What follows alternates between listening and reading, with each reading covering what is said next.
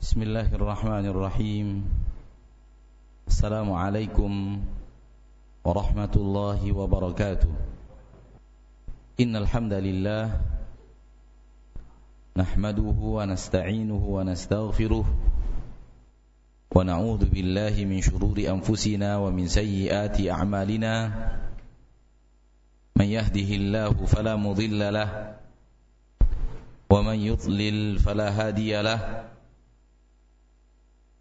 أشهد أن لا إله إلا الله وحده لا شريك له وأشهد أن محمدا عبده ورسوله صلى الله عليه وعلى آله وأصحابه ومن تبعهم بإحسان إلى يوم الدين وسلم تسليما كثيرا. يا أيها الذين آمنوا اتقوا الله حق تقاته ولا تموتن إلا وأنتم مسلمون. يا أيها الناس اتقوا ربكم الذي خلقكم من نفس واحدة وخلق منها زوجها وبث منهما رجالا كثيرا ونساء واتقوا الله الذي تساءلون به والأرحام إن الله كان عليكم رقيبا.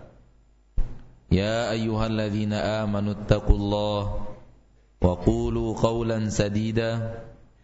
يصلح لكم أعمالكم ويغفر لكم ذنوبكم. ومن يطع الله ورسوله فقد فاز فوزا عظيما. أما بعد فإن أصدق الحديث كتاب الله وخير الهدي هدي محمد صلى الله عليه وسلم. شر الأمور محدثاتها فإن كل محدثة بدعة وكل بدعة ضلالة وكل ضلالة في النار Bersyukur kita kepada Allah Tabaraka wa Ta'ala yang telah memberikan kita rahmat-rahmat yang tiada tara yang telah mencurahkan kepada kita nikmat-nikmat yang tiada terhingga yang telah memberikan kepada kita rezeki-rezeki yang luar biasa. Yang mana setiap hari kita bergelimang dengan rahmat dan nikmat itu.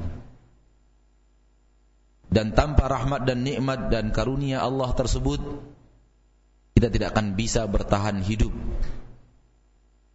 Siapa yang bisa bertahan hidup kalau Allah cabut nikmat air dari permukaan bumi siapa yang mampu bertahan hidup kalau Allah cabut nikmat oksigen dari permukaan bumi? Dalam waktu hitungan detik dan di awal-awal jumlah menit semua manusia akan terkapar menjadi bangkai. Allah menurunkan rezekinya ke permukaan bumi dan rezeki Allah itu sangatlah luas namun sayang manusia sering sekali terlatih melihat rezeki yang kecil namun lupa untuk melihat rezeki yang besar. Itulah yang membuat manusia itu sulit hidup di permukaan bumi. Ketika matanya terlatih melihat rezeki yang kecil dan mata itu tidak terlatih untuk melihat rezeki yang besar. 5 triliun itu kecil Pada protes semua wajahnya ngelihat anak. Kok protes antum? 5 triliun itu besar, kecil. Kok besar? Antum yang duduk sini jadi ustaz.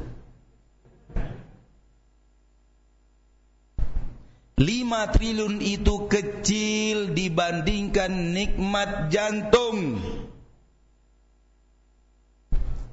Ayo besaran mana? 5 triliun apa jantung? Mana yang kecil? Jantung apa 5 triliun? Nah, kan? Udahlah Ustaz jangan diprotes lah.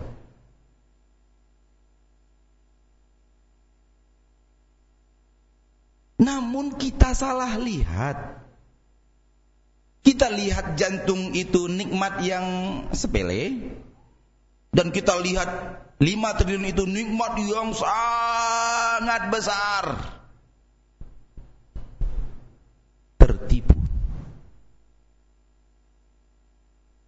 Dan kayaknya merasa betah tertipu.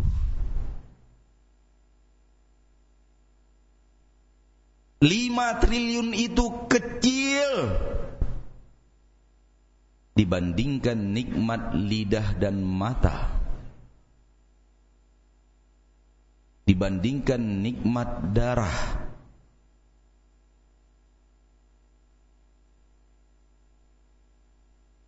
Betul apa tidak salah? Dua-duanya. Alhamdulillah. Sudah pandai melihat 5 triliun kecil? Sudah pandai melihatnya? Ya. Sekarang lebih kecil lagi. Dihadapkan kepada sebuah nikmat 5 triliun itu sudah kecil ya tadi 5 triliun jadi kecil berhadapan dengan jantung sudah kecil dia. Sudah kecil. Nah, sekarang saya anak akan sebutkan nikmat yang lebih besar yang membuat 5 triliun ini lebih kecil lagi. Siapa yang bisa?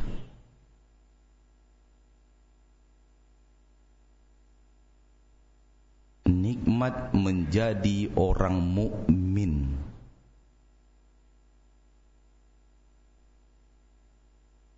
Nikmat menjadi menjadi orang mukmin. Nikmat menjadi orang mukmin jauh lebih besar daripada nikmat jantung. Berarti dia semakin lebih besar dari nikmat jantung, membuat 5 triliun semakin kecil.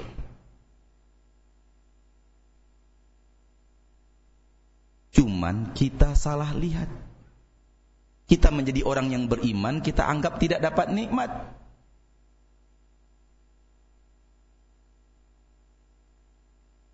Padahal nikmat menjadi orang yang beriman itu entah berapa miliar kali lebih hebat daripada nikmat 5 triliun.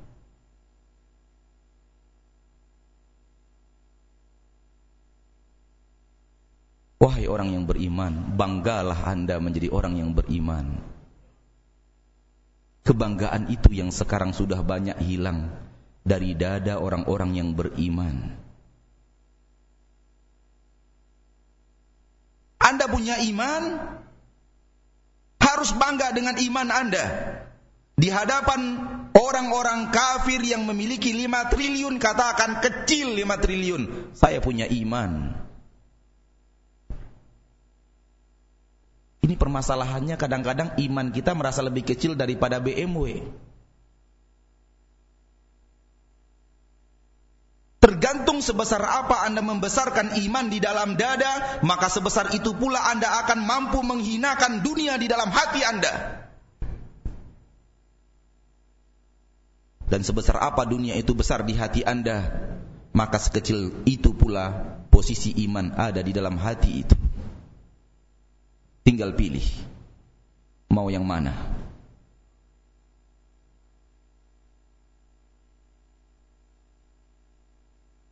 Apakah kita mengira rezeki di permukaan bumi ini hanya harta?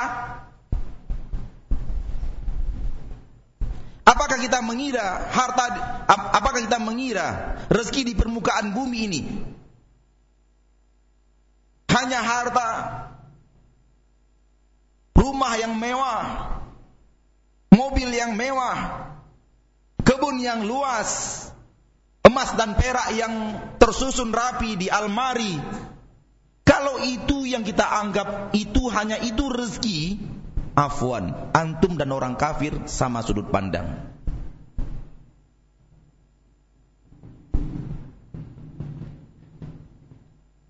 Orang kafir taunya rezeki di permukaan bumi hanya itu.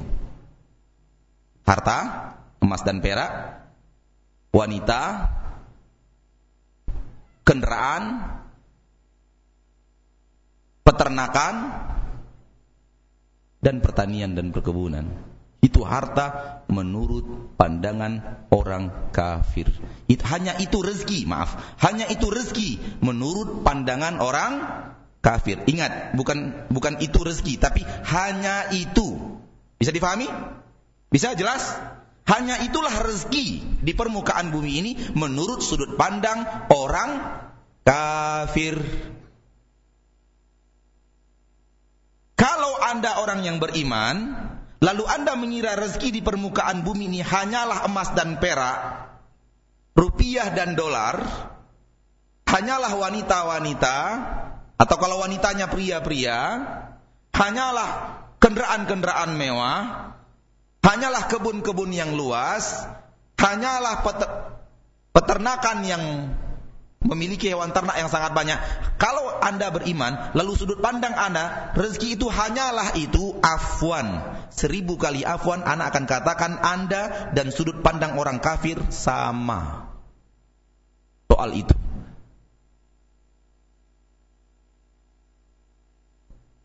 Maka kita buat pertanyaan, engkau mukmin apa kafir? Judul tema kita apa sekarang?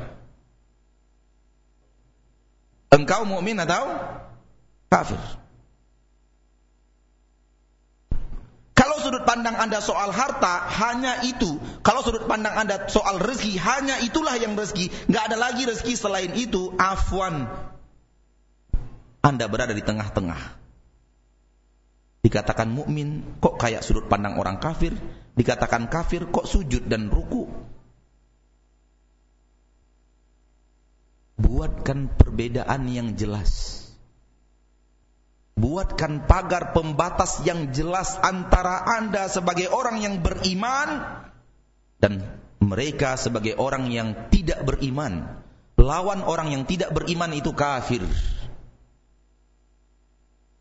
Allah berfirman di dalam Al-Quran surat Al-Kahfi ayat yang ke-29.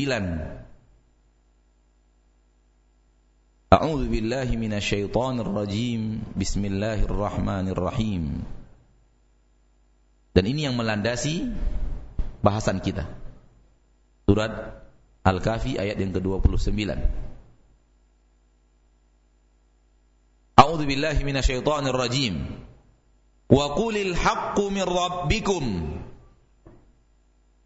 Faman syaa'a falyu'min Wa man syaa'a falyakfur. Wa qulil haqqu. Dan katakan bahwa kebenaran telah datang dari Rabb kalian. Kebenaran-kebenaran sudah datang. Kebenaran sudah jelas. Kebenaran sudah turun. Segala sesuatunya telah diterangkan dengan jelas tidak ada yang kurang. Tidak ada yang tidak diterangkan. Faman syaa falyu'min. Barang siapa yang mau beriman silahkan beriman. Wa man syaa falyakfur. Barang siapa yang mau kufur silahkan kufur.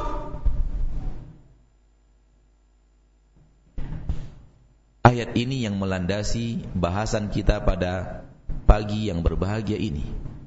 Allah mengatakan yang mau beriman berimanlah, yang mau kafir kafirlah. Di sini bukan kebolehan menjadi orang kafir, tapi ancaman untuk menjadi orang ancaman bila memilih jalan kekafiran, bukan kebolehan. Ini tahdid, ini ancaman dari Allah. Di depanmu sudah jelas jalannya, sudah terang sudah diterangkan sejelas-jelasnya, masih kafir, ya terserah kamu lah, kafir-kafirlah. Ini adalah ancaman, ini bukan kebolehan.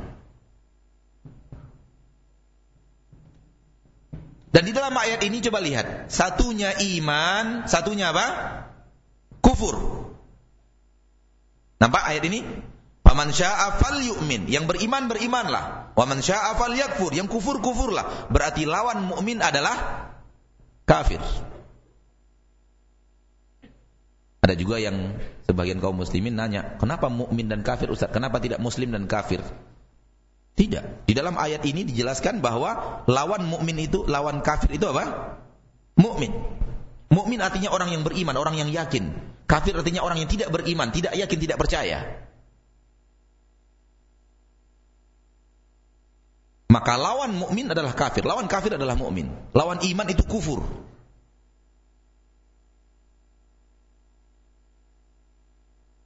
Kalau Anda mukmin, kalau Anda mukmin, Anda harus berbeda dengan orang kafir. Karena Anda bukan kafir. Anda mukmin. Ketika hidup Anda, Anda menyatakan saya mukmin, tapi dalam pola hidup Anda mirip dengan orang kafir, kita akan tanya, Anda ini mukmin apa kafir?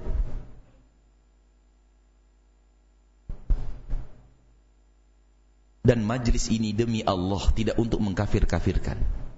Walaupun kalimat kafir akan banyak keluar di majlis ini nanti.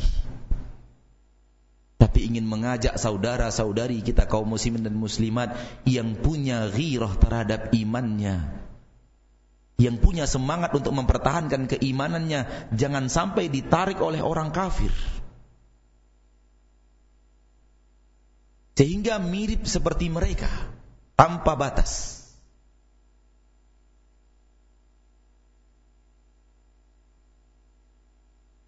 Allah menyatakan orang yang beriman beda, orang yang kafir beda. Ketika ada seseorang yang Nggak bisa dibedakan. Ini orang kafir mukmin sih. Mau contoh? Mau contoh? Mau contoh? Baik. Anak bawakan contoh, tenang aja. Berdiri dua orang, dikatakan ke kita, Ustadz, dua orang itu, yang satunya mukmin, yang satunya kafir, Ustadz. Oh baik. Yang mana orangnya? Bentar lagi datang. Begitu datang, sama Pak. Enggak, jenggotnya enggak ada. Mulus. Pakai anting. Ada tato. Ada tato. Pakai baju putih. Pakai dasi. Pakai jas. Pakai celana sampai ke bawah. Pakai sepatu. Pokoknya tertutup seluruh auratnya kecuali wajah dan telapak tangan.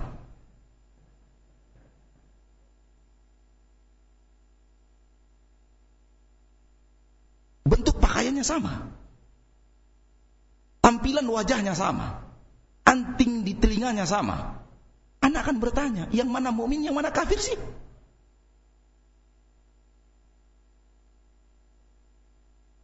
Ada tanda-tanda. Atau mungkin yang satunya bertato, yang satunya tidak. Akhirnya anak mengatakan, mungkin yang bertato ini kafir. Oh bukan Ustaz, itu yang mukminnya. Yang kafirnya enggak pakai tato Ustaz.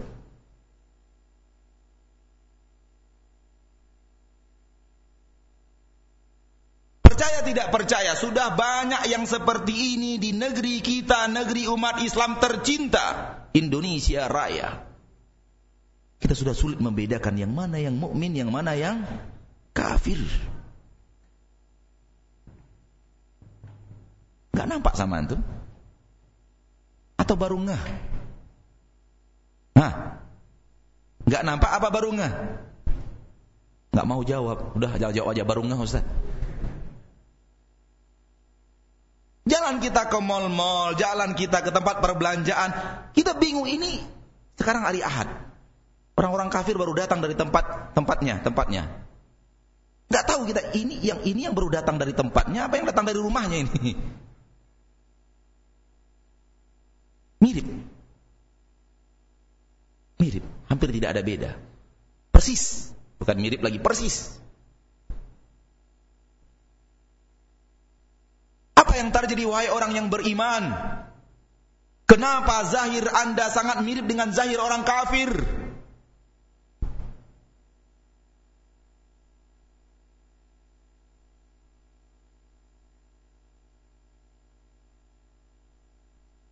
Manusia diciptakan Allah dari dua unsur unsur rohani, batin, di sini letaknya iman. Unsur jasmani, zahir dan kalau memang iman itu kuat dia akan memberikan efek kepada zahir. Sehingga ketika imannya kuat akan terlihat kekuatan iman itu dari zahirnya. Pola dia berpakaian mewujudkan keimanan, menunjukkan keimanan, pola dia berjenggot tidak berjenggot semacamnya. Berjilbab tidak berjilbab menunjukkan identitas keimanannya. Kan begitu? Pola dia. Banyak sekali pola-pola. Nanti kita bahas insyaallah satu persatu. Sesuai dengan yang Allah mudahkan.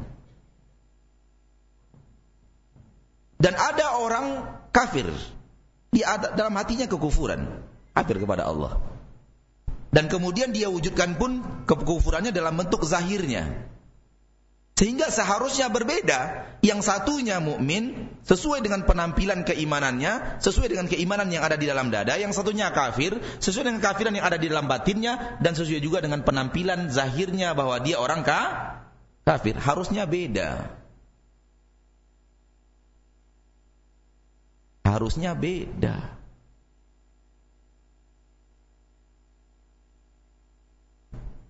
أعوذ بالله من الشيطان الرجيم بسم الله الرحمن الرحيم قل يا أيها الكافرون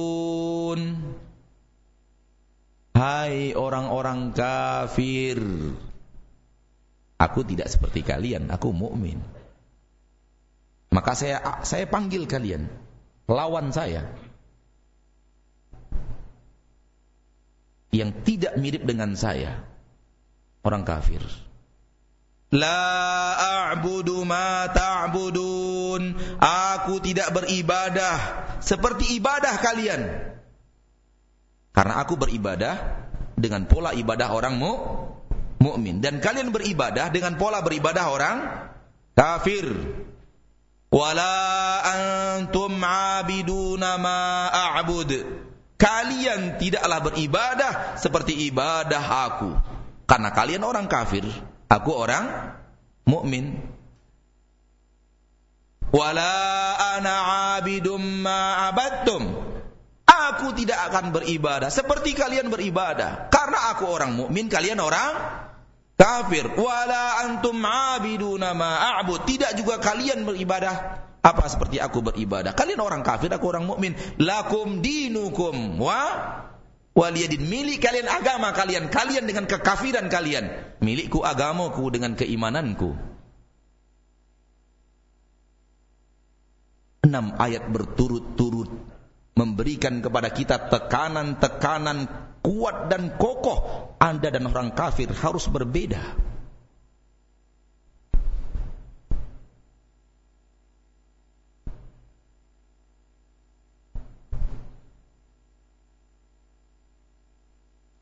Ketika tidak ada yang berbeda, ada yang salah.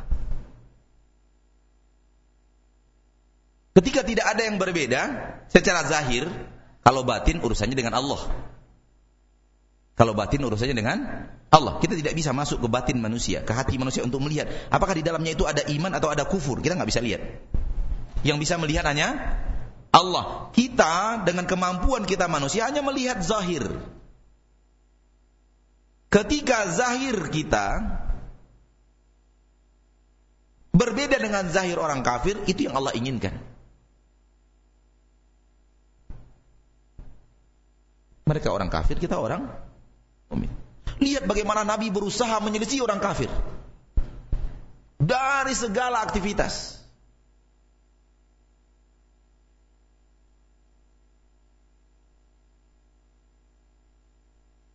Sampai berpuasa di hari yang sama Nabi tidak mau. Belum lama ini kita puasa apa? Ashura. Ternyata orang kafir juga puasa Ashura. Nabi nggak mau. Lihat bagaimana Nabi menjaga agar ada perbedaan yang nyata dan jelas antara orang mukmin dengan orang kafir. Kata Nabi, kalau aku hidup untuk tahun yang akan datang, aku akan puasa sembilan dan sepuluh. Padahal al-pahlah artinya, nggak nampak perbedaannya. Yang ini mukmin, dengan ketaatannya dan berpuasa. Dan itu kafir dengan ibadah mereka dan puasa mereka. Hampir tidak terlihat. Yang namanya puasa tidak terlihat Pak. Itu pun Nabi nggak mau. Sallallahu alaihi wasallam di antara maksud syariat yang sangat besar adalah menyatakan perbedaan yang jelas menyatakan perbedaan yang tegas antara orang mukmin dan orang kafir.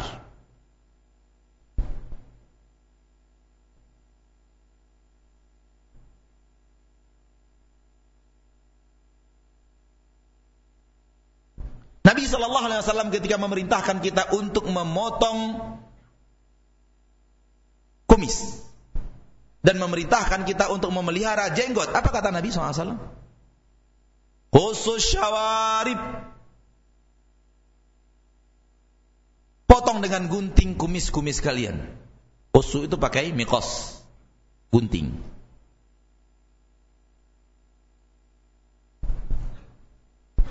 Wa'uful liha.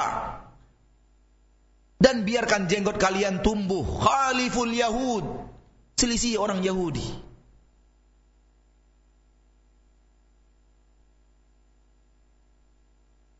Ketika Rasulullah sallallahu alaihi wasallam bermusyawarah dengan para sahabat dalam hal bagaimana kita mengajak orang sholat. Ada yang mengusulkan Rasulullah dengan api kita hidupkan. Dan, dan, dan, dan, dan. Itu identitasnya orang majusi.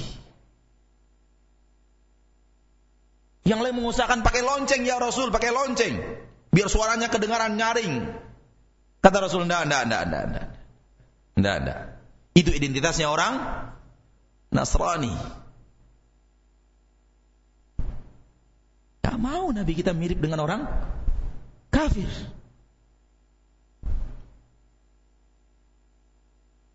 Pergi kita sekarang dan sebentar lagi tanggal mainnya jalan ini. Bentar lagi datang. Nggak lama lagi musibah besar datang. Dia ngaku mukmin, ngaku mukmin, ada topi merah tuh di atas kepalanya. Topi merahnya bengkok sedikit.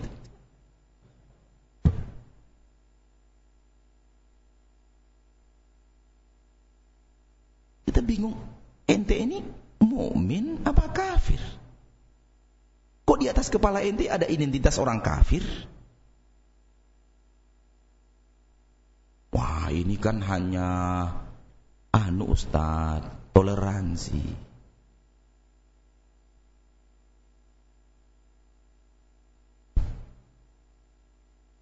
Ini hal yang paling dibenci Nabi Muhammad sallallahu alaihi wasallam.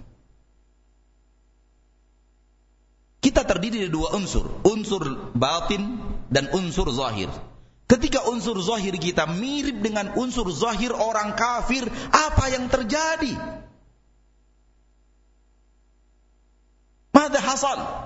Apa yang terjadi? Kok Anda mukmin, dia kafir? Kok penampilannya mirip? Sehingga tidak sehingga sulit untuk dibedakan. Tidak bisa dibedakan persis apa yang terjadi. Apa mungkin orang kafir itu memiliki identitas seperti orang muslim? Satu kemungkinan. Atau kemungkinan kedua, Anda yang mukmin beridentitas seperti identitas orang kafir.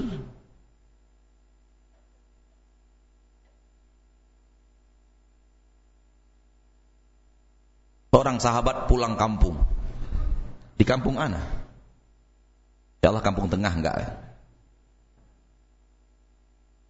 Dia sudah mulai pakai jubah. Sama teman-teman lamanya di kampung. Di sebuah kedai. Dan temannya pakai celana jeans, pakai jaket yang juga berbahan jeans, di belakangnya ada Harley Davidson. Ketika ketemu, Masya Allah, sudah gaya Rasul kamu sekarang ya. Sama teman anak dibalas, Masya Allah, supaya gaya orang kafir kamu sekarang ya.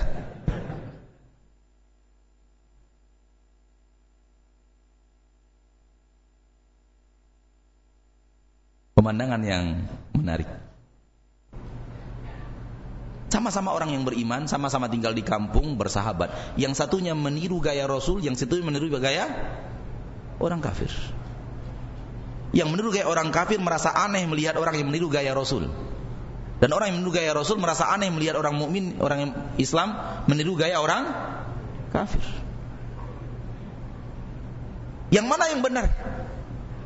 Ya udahlah nggak perlu dijawab. Namun yang anehnya, identitas orang kafir, gaya orang kafir, pola orang kafir itu ada di badan kita, ada di penampilan kita, kok yang nggak risih gitu? Kok imannya tenang-tenang saja gitu?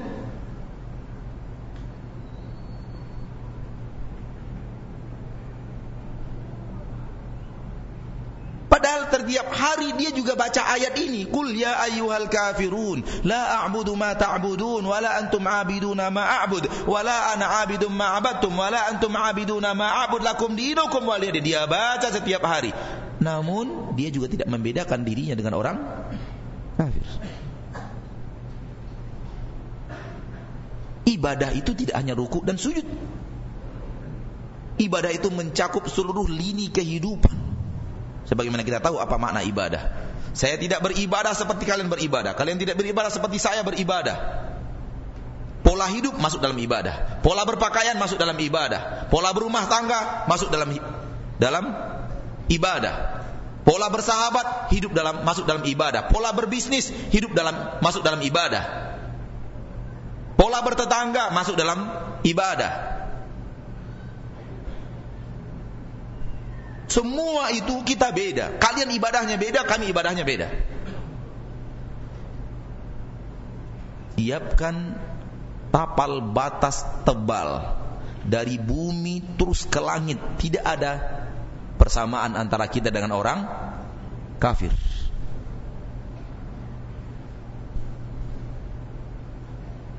Di dalam surah Al-Hashr Allah berfirman yastawi ashabun nari wa ashabul jannah Ashabul jannati humul faizun Tidak sama, tidak sama kata Allah antara penduduk-penduduk neraka dengan penduduk-penduduk surga. Penduduk-penduduk surga mereka lah orang-orang yang pasti beruntung. Allah mengatakan tidak sama, tidak sama. Allah tidak mengatakan tidak sama di akhirat. Allah mengatakan tidak sama, berarti hukumnya umum. Di dunia tidak sama, di akhirat tidak tidak sama.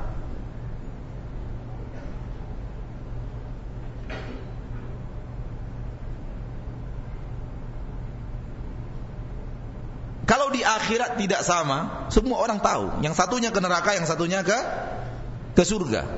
Namun banyak orang yang lupa di dunia juga dia harusnya tidak sama. Lihat Nabi, nggak mau, nggak, nggak, nggak, nggak. Itu identitasnya orang Majusi. Oh tidak, tidak, tidak, tidak. Itu identitasnya orang orang kafir. Pakai gendang, tabu harus dung, dung, dung. Oh enggak, enggak, enggak kata Nabi. Enggak. Itu pola pola orang-orang yang bukan Sampai kemudian diturunkan wahyu, caranya adalah mengumandangkan adzan. Lihat sejarah. Baca hadis-hadis tentang syariat disyariatkannya adzan dan asal muasal awal muawal disyariatkannya adzan. Nabi mempertontonkan dengan jelas dan tegas kita nggak boleh sama dengan mereka.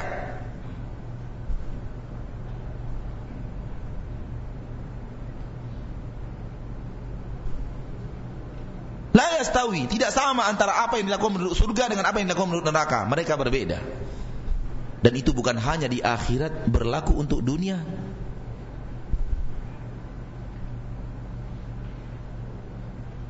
Maka tunjukkan perbedaan. Kembali kita kepada apa yang kita katakan tadi di awal. Kalau rezeki menurut kita hanyalah emas dan perak dan apa pun yang menggantikannya wanita atau pria lawan jenis. Kuda-kuda pilihan atau apa pun yang menggantikannya. Pertanian dan perkebunan. Dan peternakan hanya itu yang menurut kita rezeki. Kok sudut pandang kita dengan sudut pandang orang kafir kok sama?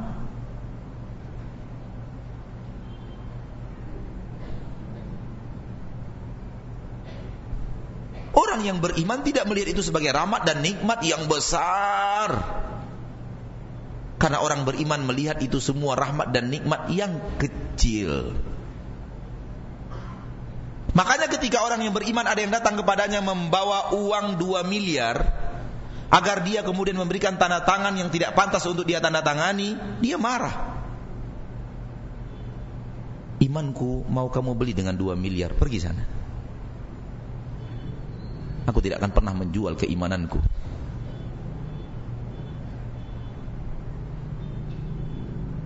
Masih terlalu kecil 2 miliar untuk kamu beli imanku dengannya. Jangan datang sampai kamu membawa 20 triliun ke sini. Sanggup orang itu bawa 20 triliun? Enggak sanggup. Itu teori untuk menolak aja. Saya ajarkan. Kalau kamu mau nyogok saya, togok dengan 20 triliun. Kalau enggak jangan datang kemari.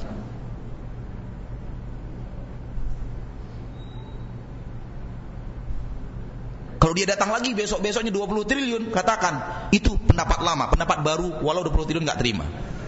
Imam Syafi'i juga punya dua pendapat. Pendapat lama, pendapat baru.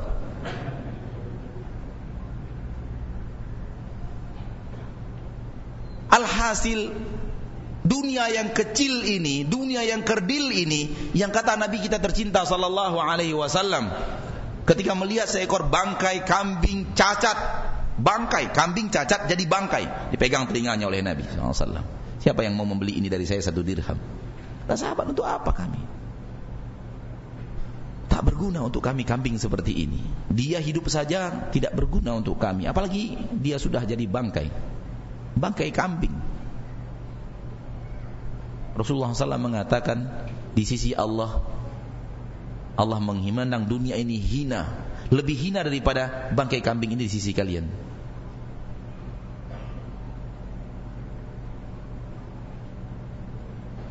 Cuman yang dihinakan Allah kita besarkan. Yang dihinakan Allah kita muliakan.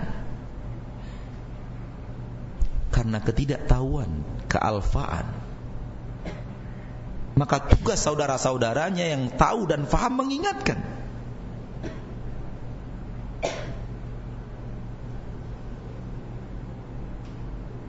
Hadis riwayat Abu Dawud dan Ibnu Hibban dari Abdullah bin Umar radhiyallahu anhu radhiyallahu anhuma wa ardahuma. Rasulullah SAW mengatakan Man tashabbaha biqaumin fahuwa minhum Barang siapa yang meniru-niru suatu kaum Maka dia bahagian dari kaum itu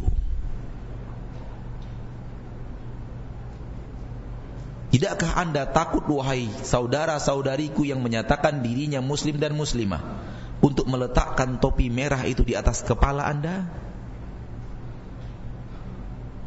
Nabi SAW mengatakan Barang siapa yang meniru-niru suatu kaum Maka dia bahagian daripada kaum itu.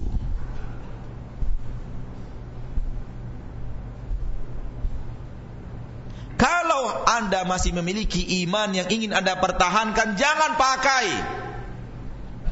Tapi kalau anda merasa iman anda tidak perlu untuk dipertahankan Ya terserah anda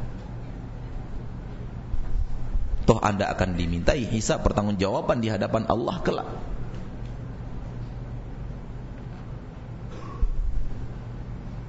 Kalau gaji bulanan menurut anda lebih mahal daripada iman, pakailah. Tapi kalau anda masih merasa iman anda lebih berharga daripada gaji bulanan, tegakkan kepala di hadapan pimpinan yang menyuruh pakai dan katakan afwan pak saya tidak bisa. Ini kewajiban. Afwan pak kewajiban ada batasnya. Toh etos kerja saya melebihi yang lain. Kehadiran pagi saya melebihi yang lain. Kalau hanya karena tidak memakai topi merah ini di atas kepala saya harus saya dipecat, saya tidak keberatan.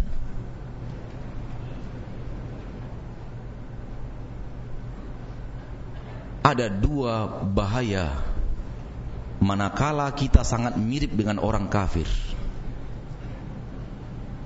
Yang satunya lebih parah daripada yang kedua.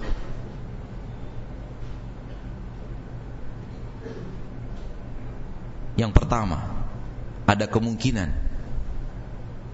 ketika zahir kita sama, zahir kita sama, kita tidak bicara batin. Batin urusannya dengan Allah. Kita tidak bisa menilai. Kita hanya menilai zahir. Kok zahir ente mirip dengan orang kafir? Ada dua kemungkinan. Yang pertama, sebenarnya batinnya sama.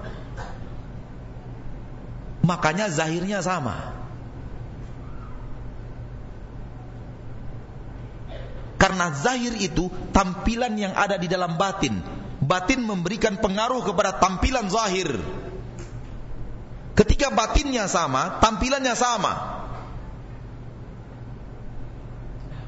Tampilan zahir itu pengaruh dari yang ada di dalam batin.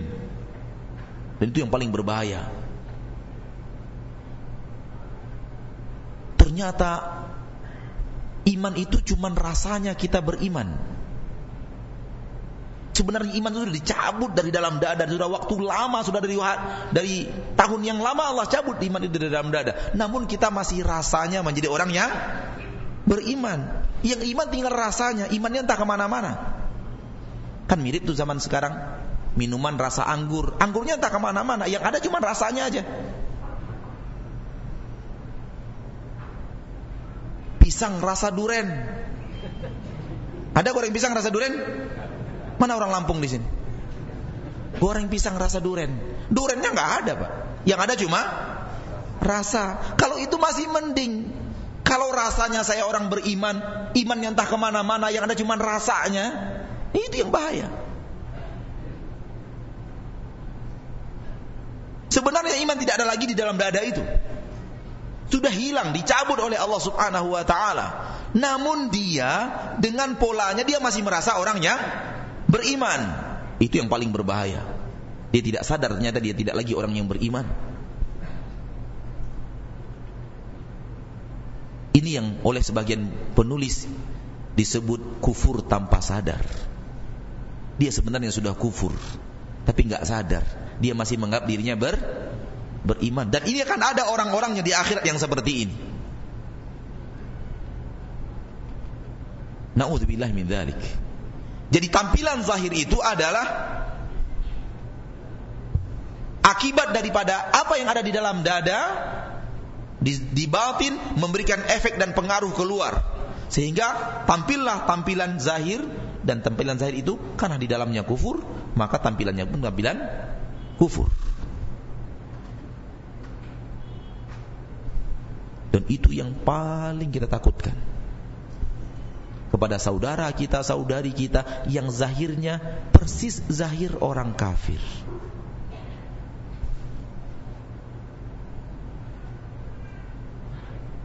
Bahaya yang kedua. Di bawah itu. Tidak sebahaya yang pertama. Bahaya yang kedua adalah tampilan zahir Anda akan memberikan pengaruh kepada batin Anda.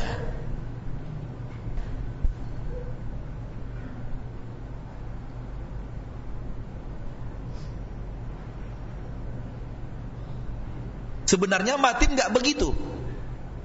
Batinnya masih iman. Namun tampilan zahirnya tampilan kafir khawatirnya adalah yang kedua, penampilan Anda dengan penampilan kekufuran memberikan pengaruh buruk kepada iman yang ada di dalam dada Anda.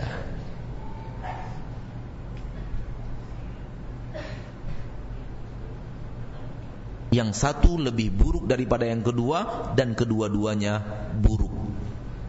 Ahlahuma mur. Kata orang Arab.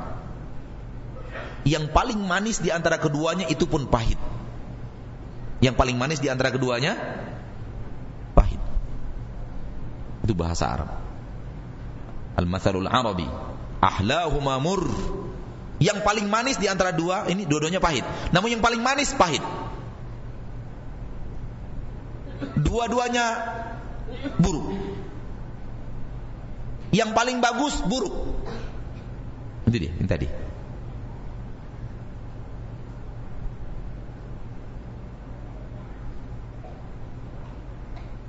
Kalau anda mau ini terjadi kepada diri anda wahai orang yang beriman, silahkan tiru orang kafir, silahkan. Allah kan sudah memberikan kepada anda di dalam Al-Quran, barang siapa yang beriman, beriman, barang yang mau kafir, kafir, pilihlah. Anda menentukan pilihan anda sendiri. Dan sesuai dengan pilihan anda, anda akan diperlakukan di akhir oleh Allah subhanahu wa ta'ala. Allah berfirman, Ya ibadi innama hiya a'malukum uhsiha lakum. Hai hamba-hambaku, semua yang ada di akhir ini semuanya amalan kalian. Aku hanya simpankan, aku hanya rekapkan, aku hanya tuliskan, thumma uwafikum iyyaha. Kemudian aku kembalikan lagi kepada kalian. Faman wajada khairan falyahmadillah. Yang menemukan kebaikan hendaklah dia memuja dan memuji Allah wa man wajada ghaira dhalik. Yang menemukan yang menemukan selain itu dia tidak mendapatkan kebaikan fala yalumanna illa nafsah. Jangan dia mencaci jangan dia memaki jangan dia mencela kecuali caci maki dan cela diri sendiri. Karena itulah perbuatannya.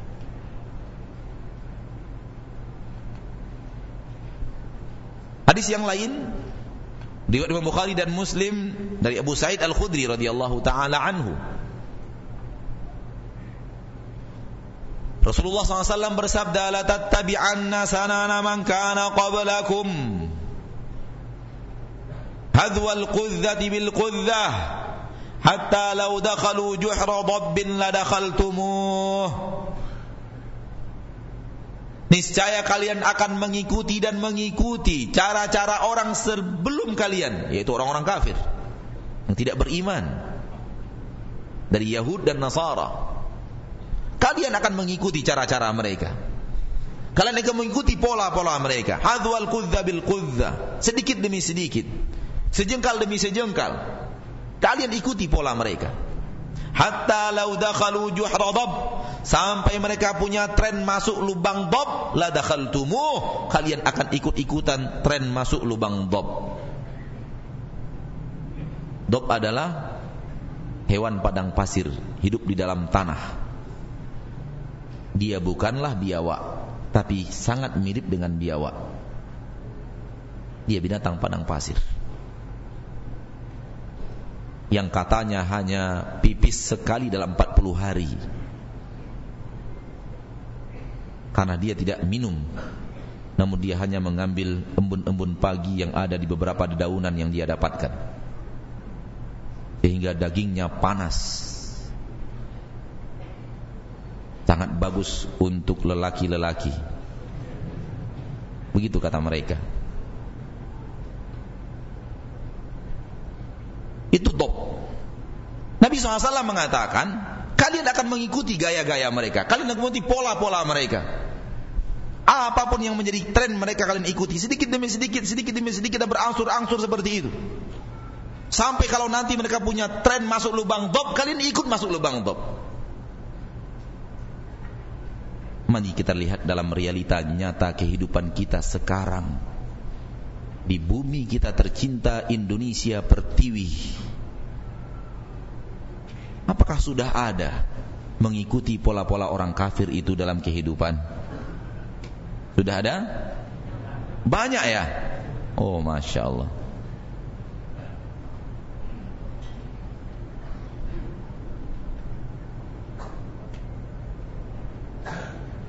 Bahasan kufur kita bagi dua.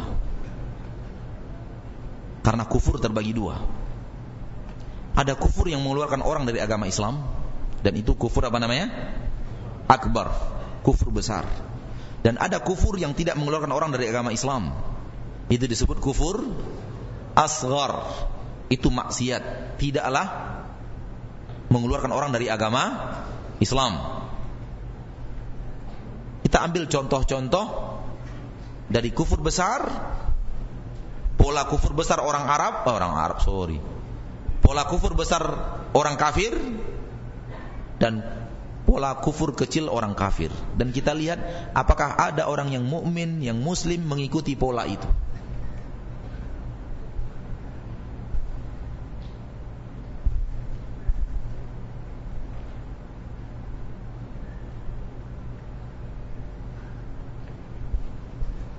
orang-orang kafir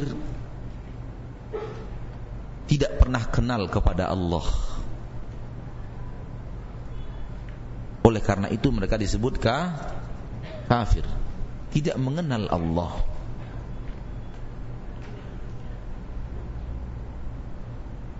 Yang dia tidak tahu Allah itu seperti apa, bagaimana Allah itu kemuliaannya, keagungannya, tidak pernah tahu, tidak kenal kepada Allah.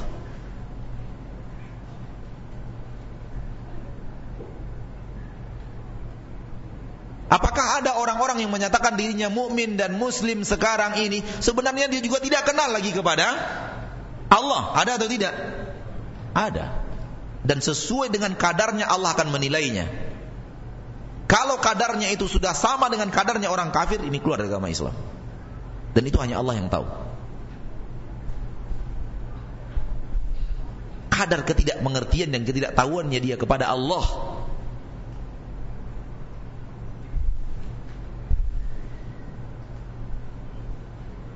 Orang-orang kafir tidak lagi yakin dengan hari akhirat. Soal surga, soal neraka, soal mahsyar, soal berhisab, soal timbangan dan yang lainnya dan mereka jadikan itu bahan cemoohan, bahan olokan. Itu sifat orang kafir. Ada orang yang beriman melakukan itu? Orang-orang yang menyatakan dirinya mukmin, orang menyatakan dirinya muslim, lalu dia tidak peduli dengan akhirat, tidak peduli dengan surga dan neraka. Tidak perlu lagi dengan timbangan, tidak perlu dengan padang mahsyar, bahkan dijadikan olok-olokan. Surga dijadikan olok-olokan oleh dia, neraka dijadikan olok-olokan oleh dia. Sesuai dengan kadarnya, manakala telah sampai kepada kadar kekufuran besar, Allah akan lihat itu sebagai kekufuran besar dan meletakkannya di dalam barisan orang-orang kafir walau dia tetap menyatakan di dunia dia sebagai orang mu mukmin. Bahaya ma'asyiral muslimin dan muslimat. Sebagian kaum muslimin tidak takut dengan neraka.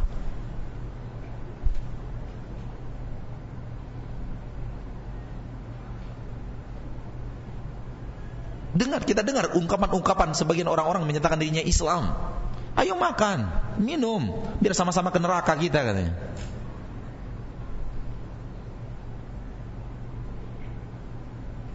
Pernah dengar begitu? Ada yang mengatakan itu.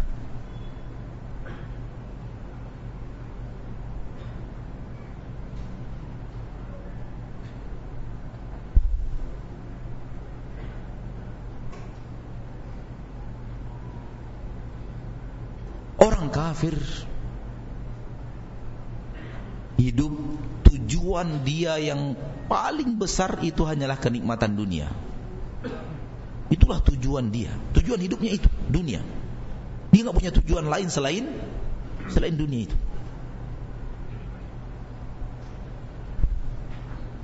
Dia tidak tidak ada keinginan untuk di akhirat. Dia hanya hanya ingin di dunia. Dan ini dinilai di dalam agama kita sebagai kekufuran. Man kana yuridul hayatad dunya wa zinataha nuwaffi ilaihim a'malahum fiha wa hum fiha la. Ulaika alladhina laysa lahum fil akhirati illa an-nar wa habita ma. Kalau tidak salah dalam surat Yunus. Ayat ini kata para ulama mengkafirkan orang-orang yang hidupnya hanya untuk dunia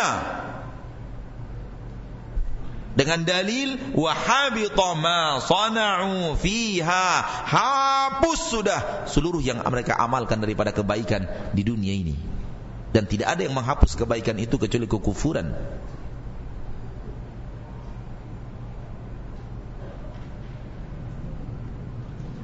Sesuai dengan kadarnya hanya Allah yang tahu. Apabila dia menyatakan dirinya mukmin, apabila dia menyatakan dirinya muslim, ternyata kadar di dalam hatinya Allah yang lihat, Allah yang mengetahuinya dan Allah yang menghisapnya sudah sama dengan kadar keimanan orang kafir terhadap dunia.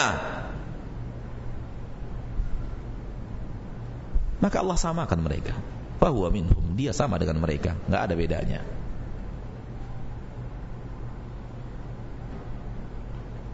Orang kafir kebiasaan mereka menggantung-gantung jimat dan tangkal dan meyakini jimat dan tangkal itulah yang telah menghalangi mereka dari mara bahaya. Itu syarat penting. Mereka gantung tangkal dan jimat, mereka gantung tangkal dan jimat dan mereka yakini tangkal dan jimat ini punya peran yang sangat kuat untuk membentengi diri mereka dari mara bahaya. Tangkal dan jimat ini sakti. Ini orang kafir begitu, Pak. Hidupnya begitu.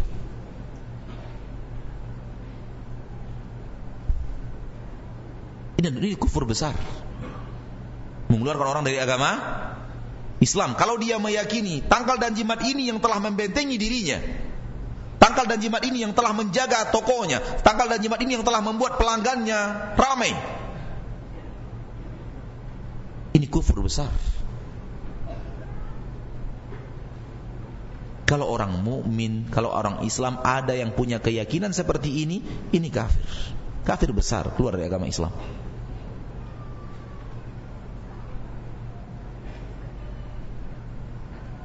Syaratnya tadi apa?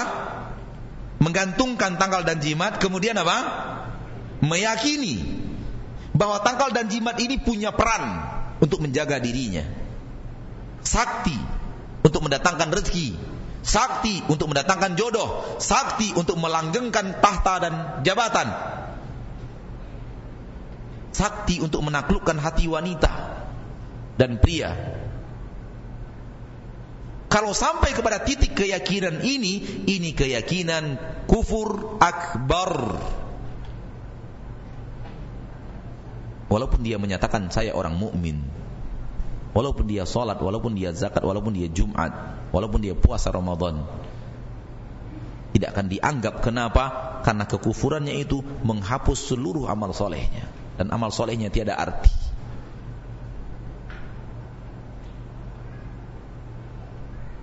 Kalau anda mau amal soleh anda tidak akan pernah diterima oleh Allah, silahkan gantungkan jimat dan tangkal di badan, di badan anak, di rumah, di toko, silahkan gantung dan yakini itu membawa manfaat. Itu yang menolak mudarat. Silahkan. Kalau anda merasa iman anda tidak perlu untuk diperjuangkan.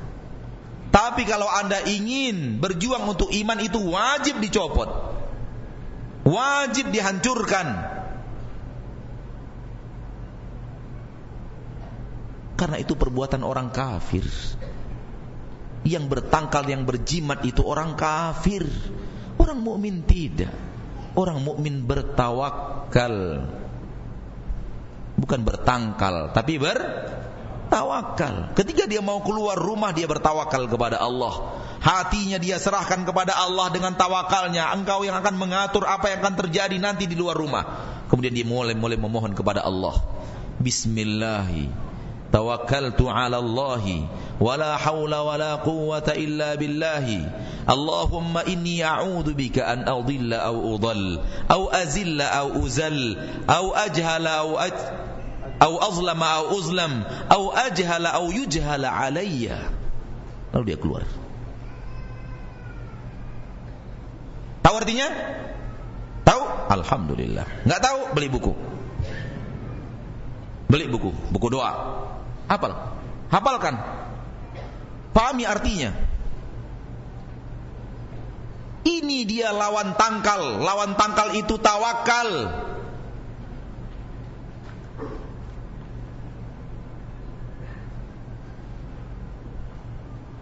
Kalau dia mengucapkan itu didoakan oleh para malaikat kamu telah dijaga, kamu telah dipelihara, kamu telah mendapatkan hidayah. Ketika kita keluar rumah. Apalagi? Apalagi yang lebih besar daripada itu?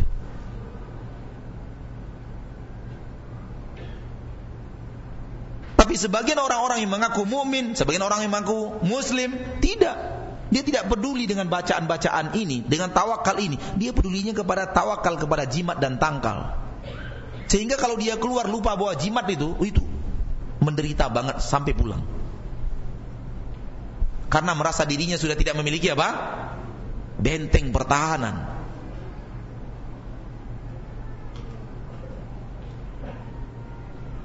Kalau Anda hidup Anda selalu pakai tangkal, di badan ada tangkal, di dompet ada tangkal, di rumah ada tangkal, di, di toko ada tangkal. Kita akan bertanya, kamu ini mukmin apa kafir sih?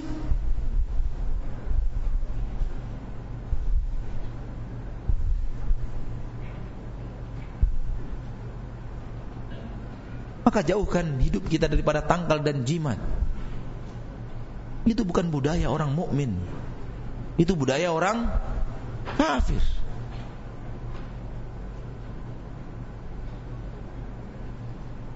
Orang-orang kafir memberikan sesajian-sesajian kepada apa yang mereka ibadati. Mempersembahkan sesajian-sesajian. Persembahan-persembahan karabin. Itu budaya orang kafir, bukan budaya orang mus muslim. Ada yang menyembelih ini, menyembelih itu, ada yang mempersembahkan ini, mempersembahkan itu, ada yang memberikan emas, ada yang memberikan makanan kepada sesembahan-sesembahannya selain Allah. Itu budaya orang kafir. Dan apa yang mereka melakukan itu membuat mereka kafir, kufur akbar.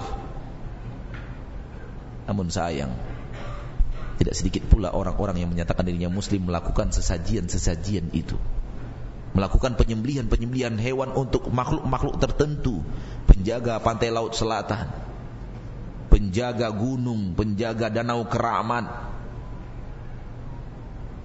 Ada atau tidak? Ada atau tidak? Kita akan bertanya, engkau mukmin apa kafir? Kita nggak berani mengatakan engkau kafir karena engkau juga sholat bersama kami. Namun kalau engkau sholat bersama kami, kenapa engkau melakukan yang dilakukan orang kafir? Tunjukkan bahwa anda berbeda. Tunjukkan lakum dinukum waliyadin.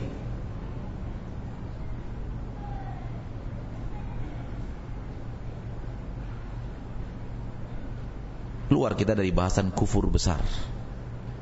Mari kita pindah kepada kufur kecil. Jadi kalau kita bicara kufur dan kafir setelah ini, maknanya maksiat. Maknanya adalah maksiat. Namun maksiat itu pola hidup orang kafir. Kekufuran dan pola hidup orang ka kafir. Ketika ditiru oleh seorang mukmin tidak berarti dia kafir, tapi dia punya pola hidup seperti pola hidup orang kafir dengan perbuatan maksiat yang dia lakukan. Orang kafir hidup di dunia untuk bersenang-senang dan makan-makan. Ini pola hidup orang orang apa? Orang kafir. Allah mengatakan di dalam Al-Qur'an seperti itu. Di dalam surat Muhammad والذين كفروا يتمتعون ويأكلون كما تأكل الأنعام والنار مثوى لهم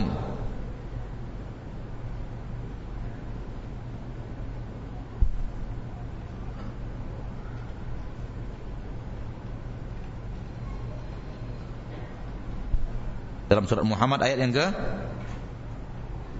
12 di bagian terakhir daripada ayat. Walladzina kafaru yatamatta'una wa ya'kuluna kama ta'kulul an'amu wan naru maswal lahum. Dan orang-orang kafir hidup mereka untuk bersenang-senang. Hidup mereka untuk makan-makan. Seperti makan-makannya hewan ternak dan neraka adalah tempat kembali untuk mereka. Jadi pola hidup orang kafir di dunia ini hanya untuk bersenang, senang. Untuk makan, makan. Anda orang mukmin tidak boleh hidup di dunia ini untuk sekedar bersenang-senang, tidak boleh hidup di dunia ini hanya sekedar untuk makan, makan. Hidup di dunia itu untuk berjibaku, berjibaku dan berjibaku menghambakan diri kepada Allah. Ini pola hidup orang mukmin.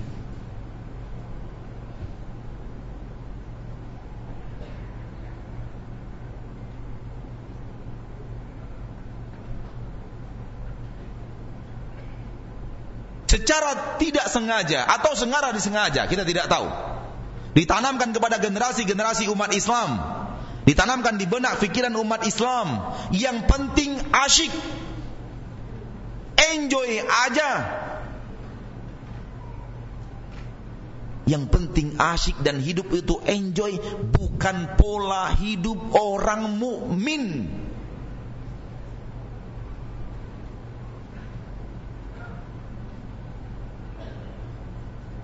Pola hidup orang mukmin adalah sabiqu ila maghfiratin min rabbikum wa jannah. Berlomba-lomba mengejar ampunan Rabb dan mengejar surga Allah. Sari'u ila maghfiratin min rabbikum wa jannah. Bersegera, bersegera menuju ampunan Allah dan surga. Wa fi dzalika falyatanafasil mutanafisun. Untuk hal yang demikian hendaklah mereka selalu berlomba-lomba. Ini pola hidup orang mukmin berlomba-lomba di dunia menuju surga. Bukan yang penting asyik. Dua hal yang berbeda, tolong bedakan dengan baik agar Anda bisa merapat mau ke mana. Kalau Anda tidak bisa membedakannya, Anda akan hanyut di bawah gelombang besar.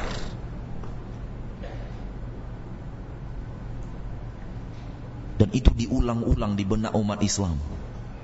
Ditampilkan sekian kali dalam sehari, sekian kali dalam 24 jam. Yang penting asyik. Yang penting happy. Happy, bersenang-senang. Itu pola hidup orang kafir. Makanya orang kafir itu suka party. Apa party? Pesta. Karena di pesta itu mereka bersenang, senang, semua mau dipestakan. Kalau kita tidak, hidup kita tidak untuk pesta. Hidup kita untuk ruku dan sujud. Maka pesta kita tertentu-tertentu saja. Hari-hari tertentu saja pesta kita. Ada juga pesta kita. Karena manusia juga butuh pesta, tapi ditentukan hari-hari tertentu. Anak lahir dipestakan. Dimakan-makan itu maksudnya bersenang-senang. Kita menikah juga pesta. Bersenang-senang di hari raya. Orang kafir enggak, dia mau hari-harinya penuh pesta. Semua mau dipestakan. Umat Islam ngekor. Umat kafir pesta ulang tahun. Umat Islam ngekor pesta ulang tahun. Rasul enggak pernah ngajarkan itu. Ingat, bukan keluar dari agama Islam. Hati-hati. Budaya orang kafir, bukan budaya umat Islam. Masih punya kakek yang umur 95 tahun? Ada di antara kita masih punya kakek umur 90 ta 95 tahun ada? Coba tanya dia, pernah enggak dia pesta ulang tahun dulu? Pernah tidak? Enggak pernah. Berarti umat Islam Indonesia nggak pernah pesta ulang tahun. Kapan umat Islam Indonesia mulai ngerti pesta ulang tahun? Semenjak budaya orang kafir masuk.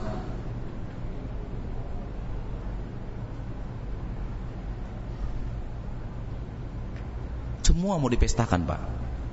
Anaknya lima. Berarti pestanya berapa? Hah? Kok lima? Antum nggak pandai ngitung apa? Anaknya lima, pestanya berapa? Tujuh. Kan ada bapak ibunya. Anaknya lima. Apa ada anak tanpa bapak ibu? Berarti kalau anak lima pestanya berapa? Tujuh pestanya. Bapaknya pesta ulang tahun, ibunya pesta ulang tahun, anak pertama pesta ulang tahun, anak kedua pesta ulang tahun, anak ketiga demikian, anak keempat demikian, anak kelima demikian. Pesta terus. Kenapa orang kafir suka pesta? Hidup mereka untuk bersenang-senang. Kenapa umat Islam tidak punya pesta ulang tahun? Karena itu bukan bagian daripada pola hidup orang Islam. Pola hidup orang mukmin tidak begitu.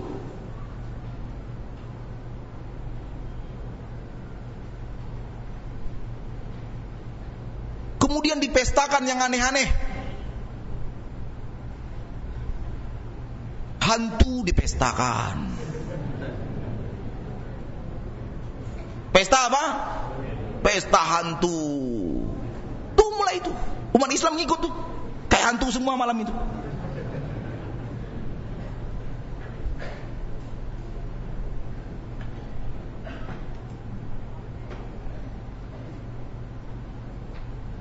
Pergantian malam tahun baru dipestakan. Umat Islam tidak pernah punya itu. Tak ada Rasulullah SAW mempestakan pergantian tahun.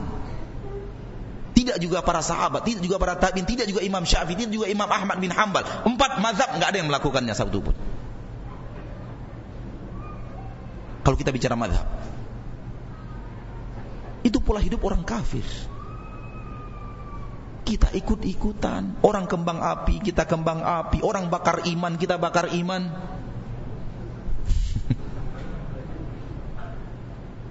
Ya akhi, Anda punya iman yang wajib Anda pertahankan. Ya ukhti, Anda punya iman yang wajib Anda pertahankan.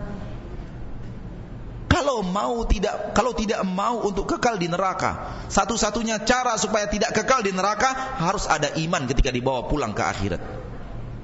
Jangan sampai hilang. Itu sekedar untuk tidak kekal di neraka. Sudah ada iman belum tentu tidak masuk neraka. Tapi kalau Anda pulang tanpa membawa iman, itu di neraka selama-lamanya. Dan soal masih ada atau tidak ada, Allah yang maha menghisap. Allah yang maha menilai. Dan kita harus takut pulang ke akhirat tidak membawa iman bersama kita.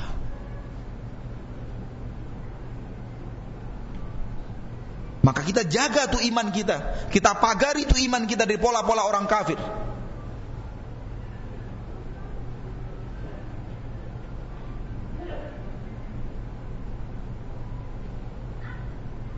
Cinta dipestakan, pesta cinta. Apa apa namanya pesta cinta? Apa? Tuh kan, tahu kan. Tahu, Pak. Mantan mungkin, mantan. Jadi hari itu setiap laki-laki harus bawa bunga. Bunganya kemudian dikasih pita. Mempersembahkannya dengan melutut. Itu pola hidup orang kafir. Ditiru oleh orang Islam. Anda mukmin atau kafir? Kalau mukmin tidak ada pesta bunga-bunga. Tidak ada pesta cinta-cinta, tidak ada pesta hantu-hantu. Orang kafir sudah memestakan, membuat pesta hari tanpa celana.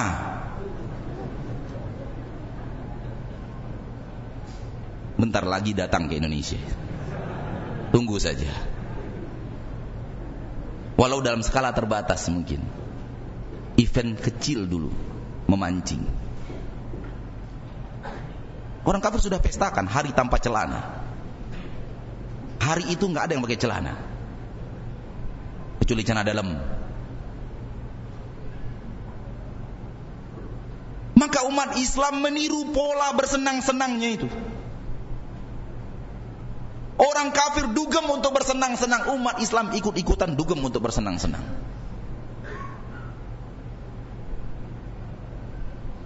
Orang kafir karaokean untuk bersenang-senang, umat Islam karaokean untuk bersenang-senang. Kita akan bertanya, kamu orang mukmin apa orang kafir sih? Kenapa zahirmu mirip sekali dengan orang kafir?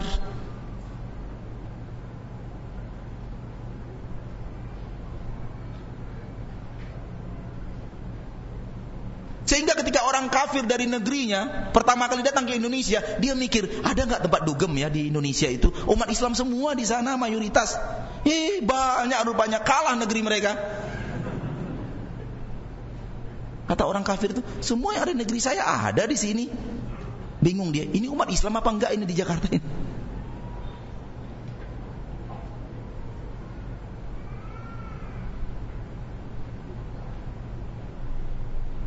Latah. Latah. Meniru, meniru, meniru. Hadis Rasulullah SAW tadi. Dari Abu Sa'id Al-Khudri. La tattabi'anna sana man kana qablakum. Dulu waktu pesta pernikahan dulu, ingat saya waktu pesta pernikahan dulu di kampung saya sana, itu nggak ada yang namanya pesta-pesta. nggak ada yang namanya tenda-tenda. Tidak ada yang namanya bunga-bunga. Diundang orang makan ke rumah, yang laki-laki dengan laki-laki, yang wanita dengan wanita, dihidangkan makanan dan selesai. Pulang. Betul atau tidak? Di kampung Ana dulu begitu. Di kampung tengah bagaimana dulu? Hah? Mana kampung penduduk kampung tengah?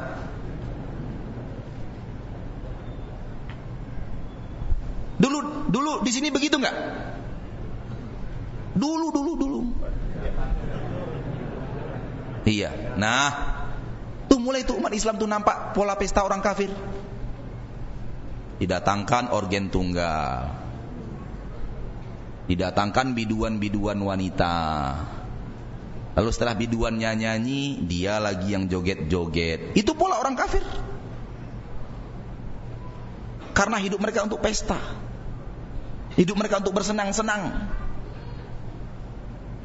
Umat Islam latah Ditiru juga tuh organ tunggal.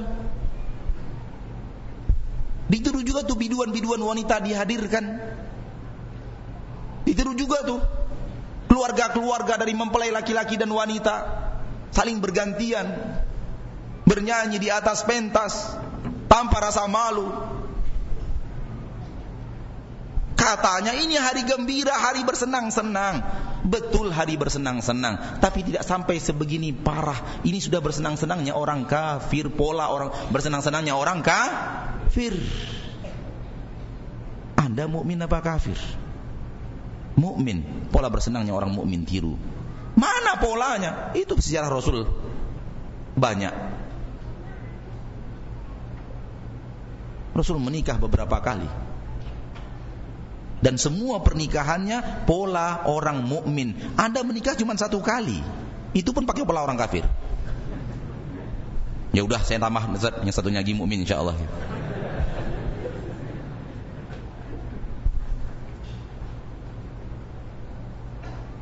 Orang kafir hidupnya untuk bersenang-senang, maka seluruh budaya senang-senang itu budaya orang kafir. Umat Islam hidup untuk berjibaku untuk melelahkan diri di dunia agar tidak lelah di akhirat.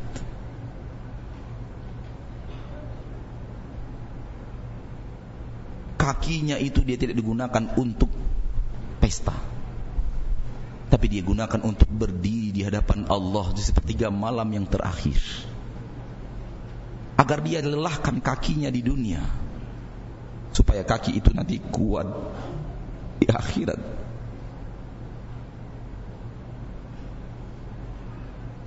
Dia isi malamnya dengan ruku dan sujud. Agar badan ini nanti di akhirat sujud. Ketika perintah sujud datang di akhirat.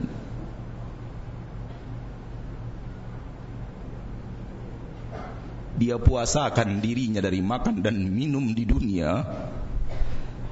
Karena dia ingin makan dan minum di surga Dia infakkan hartanya di dunia untuk orang fakir dan orang miskin agar dia diberikan oleh Allah infak kepadanya di surga. Ini orang mukmin. Ini pola hidup orang mukmin.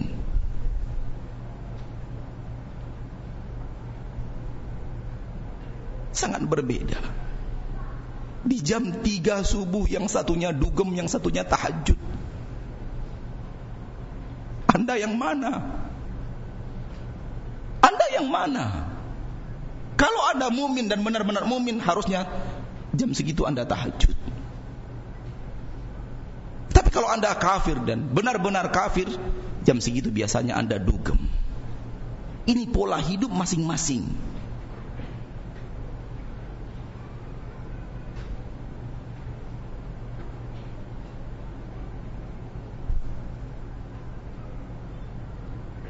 Maka bagaimana mungkin Anda menyatakan saya orang yang beriman di sepertiga malam terakhir jam ketika Allah turun ke langit dunia Anda melakukan itu di saat Allah sangat dekat. Alangkah tidak tahunya Anda kepada Allah. Alangkah tidak berakhlaknya Anda kepada Allah. Alangkah tidak menghormati Allah.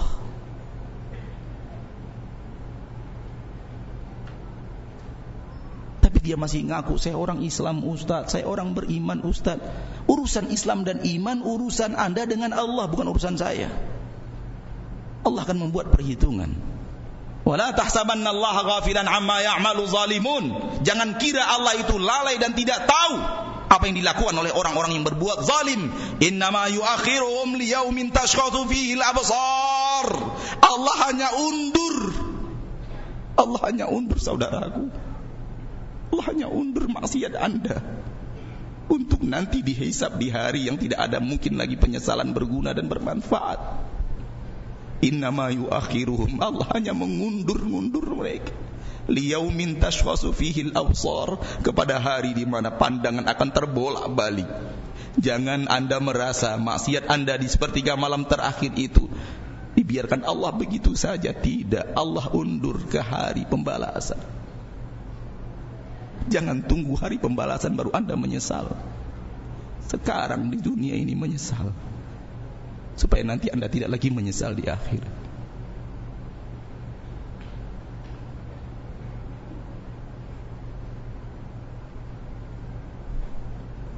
Maka pola orang hidup orang kafir bersenang-senang.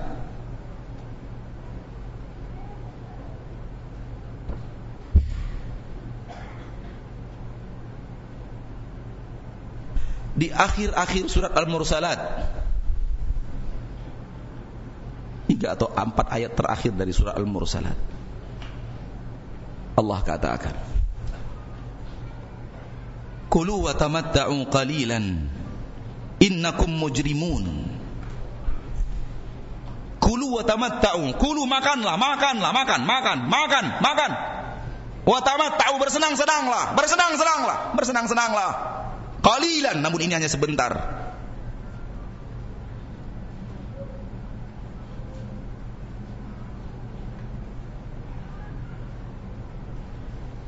Ini ancaman berat bagi orang yang mampu memahami ayat-ayat Allah Ayat ini akan meneteskan air mata orang-orang yang takut kepada Allah. Bukan Allah persilahkan kita untuk bersenang-senang dan makan-makan. Ini ancaman. Kulu wa tamatta'u qalilan innakum mujrimun. Makan-makanlah. Bersenang-senanglah. Sebentar tapi.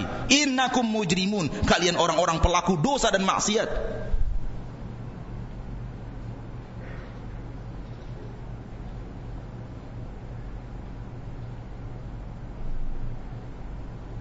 Jadi konsep hidup bersenang-senang itu bukan konsep hidup orang mukmin, namun konsep hidup orang kafir.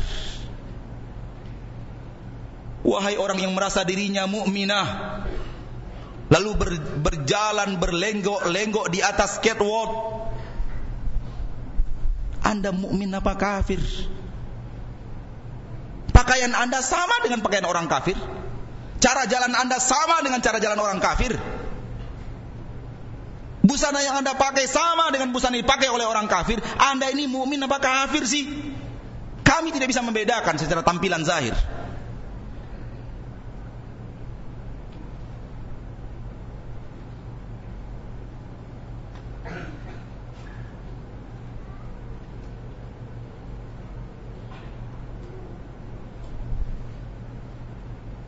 Namun semua itu dilakukan oleh umat Islam lagi-lagi demi harta. Lagi-lagi demi uang. Lagi-lagi demi kenikmatan dunia.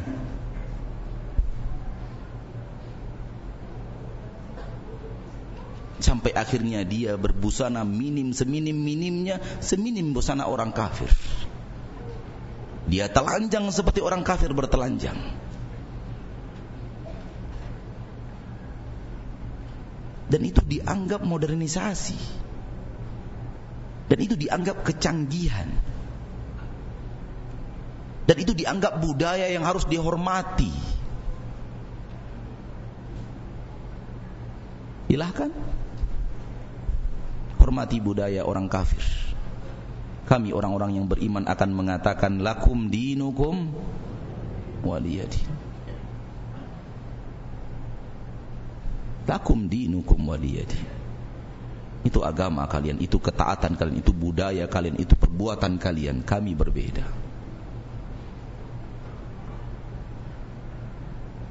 Anak-anak kami akan kami pasangkan jilbab dalam dari kecil supaya ketika mereka wajib berjilbab mereka sudah mengerti jilbab yang benar. Kami akan tanamkan ke dalam hati mereka kebanggaan untuk menutup aurat. Kami akan tanamkan kepada mereka kebanggaan untuk memegang Al-Quran. Menghafal Al-Quran. Karena kami orang mukmin, sementara kalian orang kafir. Kalian dan kami berbeda.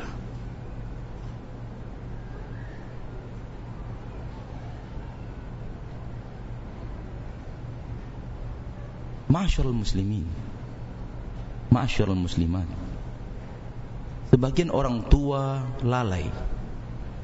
Disiapkan di rumahnya televisi Dan anaknya melihat tuh kebiasaan orang kafir di TV itu setiap hari.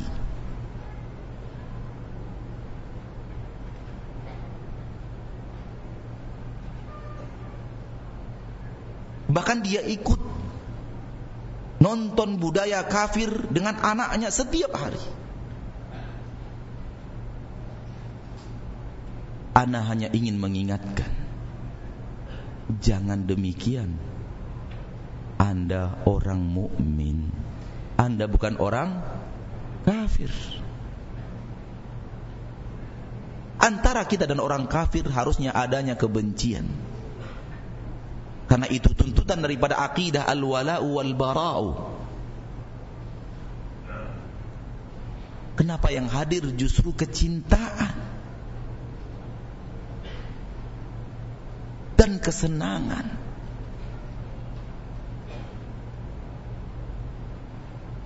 Senang melihat si A yang kafir karena dia ahli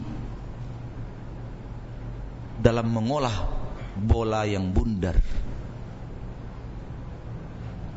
Sehingga di kamarnya tuh foto si kafir itu ada itu. Di bukunya foto si kafir itu ada. Di dalam lemarinya. Foto si kafir itu ada. Di dalam tasnya foto si kafir itu ada sampai di dalam dompetnya ada. Oh saya tidak mengagumi dia dengan kekafirannya. Saya akan mengagumi dia dengan keahliannya mengolah si bundar. Kami tidak tahu keahlian-keahlian yang anda katakan. Kami hanya tahu di dinding rumah anda ada foto si kafir di dalam lemari anda ada foto si kafir Di dalam dompet anda ada foto si kafir. Dan setiap hari Anda menonton berita si kafir itu Dan membeli koran-koran dan majalah berhubungan dengan si kafir itu Itu yang kami tahu. Soal kemudian anda katakan karena keahlian ini kalian itu Nanti urusannya dengan Allah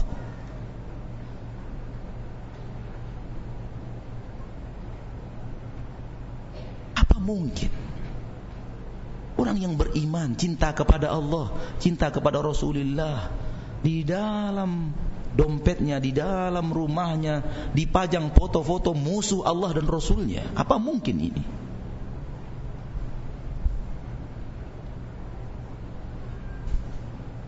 Kalau anda yakin si kafir itu adalah musuh Allah dan Rasulnya kenapa mungkin anda yang mencintai Allah dan mencintai Rasulullah kemudian memajang foto orang yang dimusuhi dan dibenci oleh Allah dan Rasulnya. Jangan kira ini sederhana saudaraku.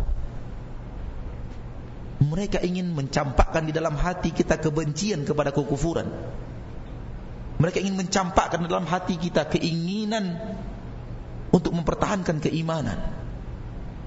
Dengan segala macam cara. Melalui olahraga, melalui olah suara, melalui acting, melalui busana,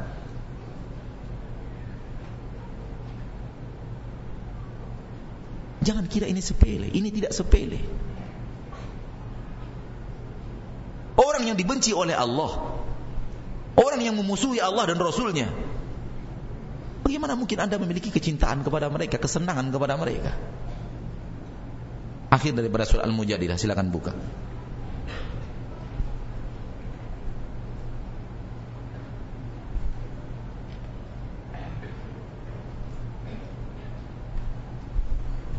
Ayat keberapa itu? 22. La tajidu qauman yu'minuna billahi wal yawmil akhir yuwadduna man haddallaha wa rasulah. Walau kanu aba'ahum aw abna'ahum aw ikhwanahum aw ashiratahum. Kamu tidak akan menemukan kaum yang benar-benar beriman kepada Allah dan hari akhir. Kamu tidak akan temukan mereka yang beriman kepada Allah dan hari akhir mencintai orang-orang yang menentang Allah dan Rasulnya. Walaupun dia adalah anak ayah-ayah mereka. Walaupun dia adalah anak-anak mereka. Walaupun dia adalah saudara-saudara mereka. Walaupun dia adalah keluarga besar mereka. Lihat ayat ini baik-baik. Cermati dalam-dalam kamu tidak akan menemukan kata Allah orang yang di dalam hatinya itu benar-benar iman kepada Allah dan iman kepada akhir ternyata di dalam hatinya itu ada kecintaan kepada orang yang menentang Allah dan Rasulnya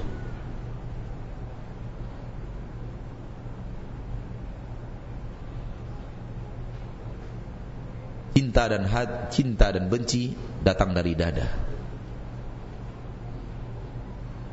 kemudian mengalir melalui anggota tubuh. Kalau memang hati itu sangat mencintai Allah dan mencintai Rasulullah, dia pun akan membenci orang yang tidak mencintai Allah dan Rasulullah. Itu harus seperti itu kejadiannya. Bagaimana mungkin dia mencintai Allah katanya, mencintai Rasulullah, kemudian dia mencintai orang yang membenci Allah dan membenci Rasulullah? Bagaimana mungkin?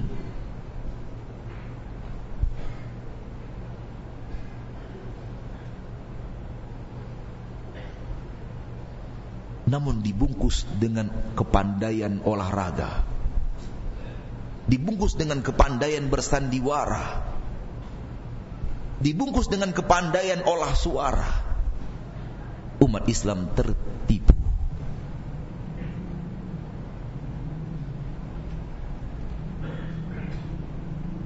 Buka surat Al-Mumtahanah ayat 4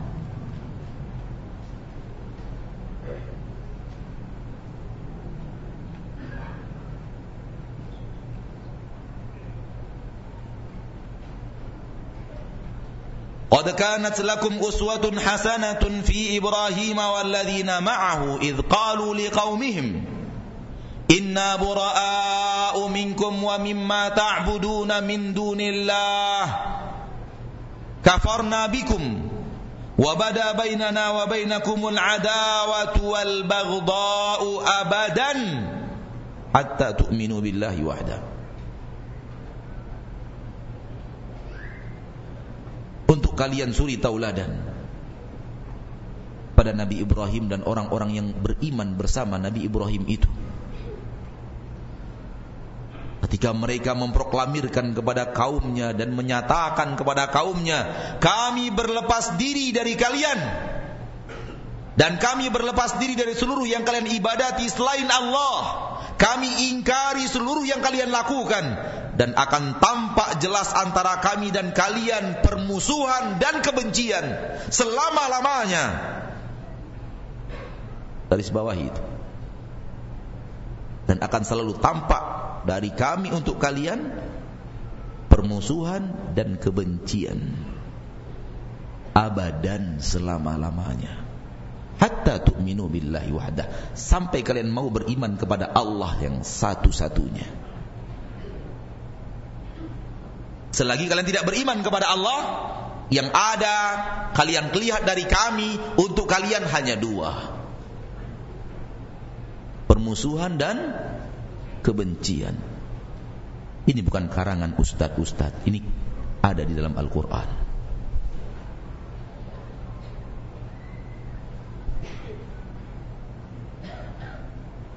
Maka kalau kita memang beriman kepada Allah, harusnya iman kepada Allah disertai dengan benci kepada yang memusuhi Allah. Dia baru pas. Ketika kita mengatakan cinta kepada Allah, kemudian kita mencintai yang memusuhi Allah, kita akan bertanya ada apa ini? Al-jam'u bainan naqidaini mustahil menjamak dan menggabung dua hal yang berbeda itu nggak mungkin. Nggak mungkin. Mustahil.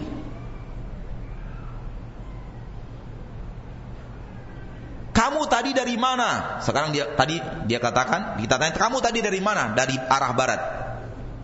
Bentar kita tanya, kamu tadi dari mana? Dari arah timur. Bagaimana menyatukan? Satu mengatakan barusan dia mengatakan dari arah barat, kemudian dia mengatakan dari arah timur.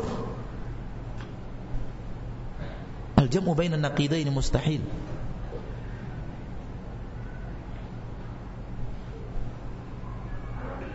Seharusnya mencintai Allah dan mencintai orang yang membenci Allah itu mustahil. Salah satunya akan menang dan salah satunya hanya kamuflase.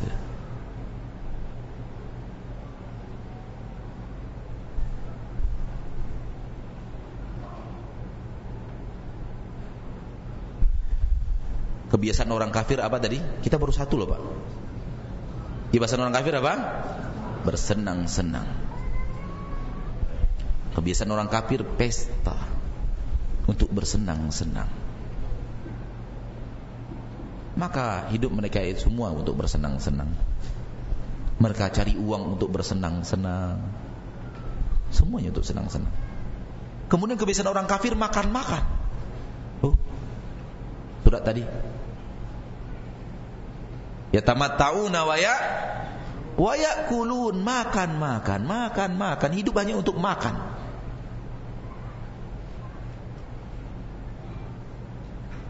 Kalau antum melihat restoran lezat harganya mahal namun lezat, harganya mahal namun lezat. Insyaallah yang mayoritas yang hadir ke tempat itu di tubuh mereka ada indikasi-indikasi penduduk neraka. Perhatikanlah. Kalau antum mahir memperhatikan, antum akan lihat.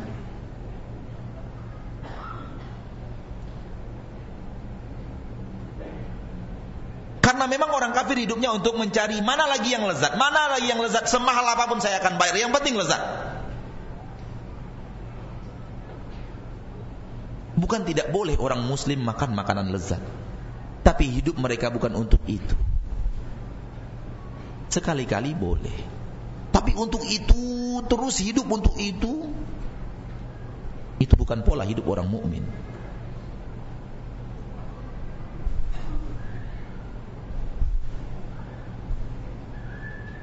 Cobalah perhatikan. Yang hadir di restoran-restoran mahal dan lezat dan mahal itu itu biasanya wanita-wanitanya selalu kekurangan kain.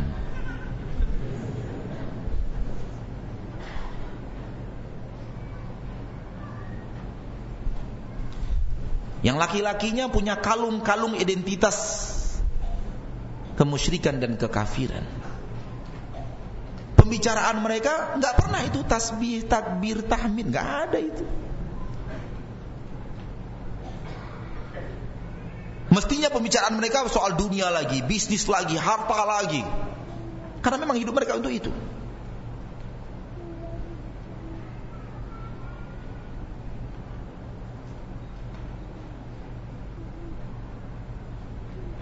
Bukan tidak boleh bersenang-senang, bukan tidak boleh makan lezat, tapi hidup orang mukmin bukan untuk itu.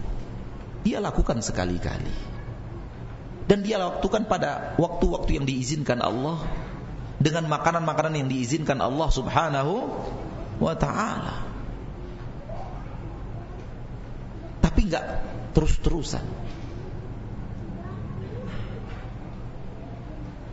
Lihat bagaimana Rasul dan pola makan Rasul sallallahu alaihi wasallam. Ini pola makan orang yang beriman. Pemimpin orang yang beriman adalah Rasulullah sallallahu alaihi wasallam. Lihat pola makannya, bagaimana Rasulullah itu dengan pola makan beliau. Memang sekali-kali makan lezat, tapi tidak terus-menerus.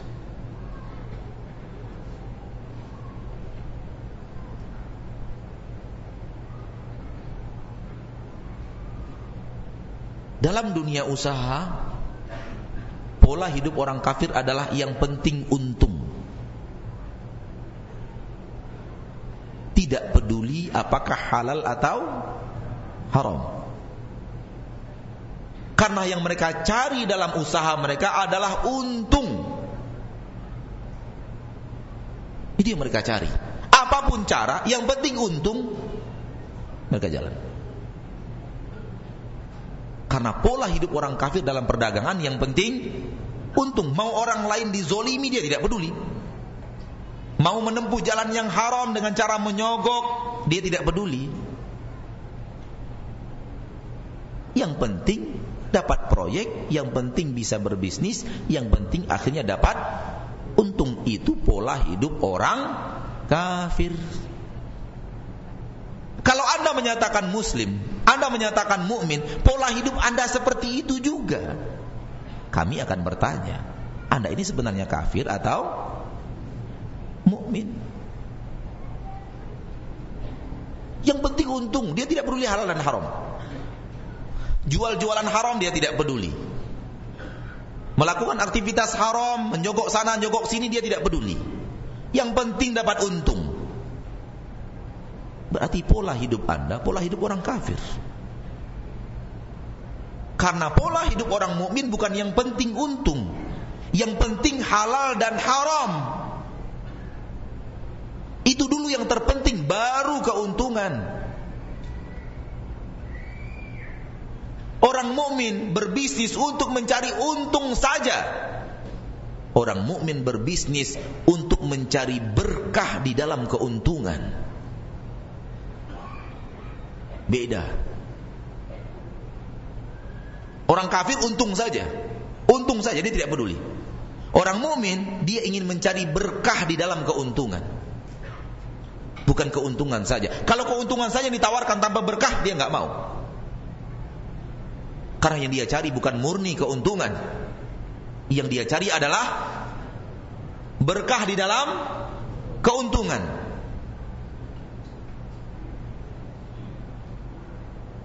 in saddaqa wa bayyana burika lahuma fi bai'ihima Seandainya kedua-duanya sama-sama jujur, sama-sama menerangkan, maka akan diberikan berkah kepada mereka berdua di dalam transaksi jual beli mereka. Ini yang dicari orang mukmin, berkah di dalam jual beli. Orang kafir enggak. Orang kafir yang dicari oleh dia keuntungan dalam jual beli. Sehingga ketika orang mukmin mau menjadi orang yang dapat berkah, dia harus jujur dalam berdagang. Dan dia harus terangkan apa adanya. Soal kemudian orang tertarik membeli, ahlan wa sahlan.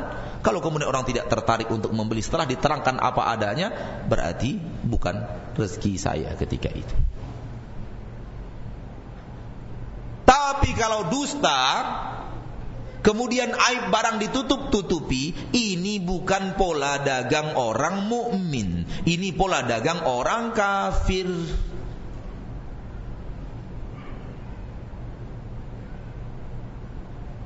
Kalau pola dagang kita sudah seperti itu juga, kami akan bertanya, Anda mukmin atau kafir?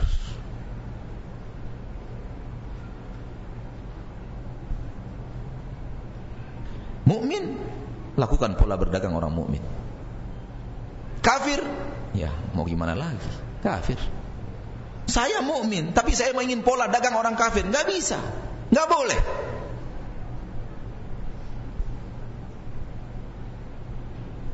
Nggak boleh.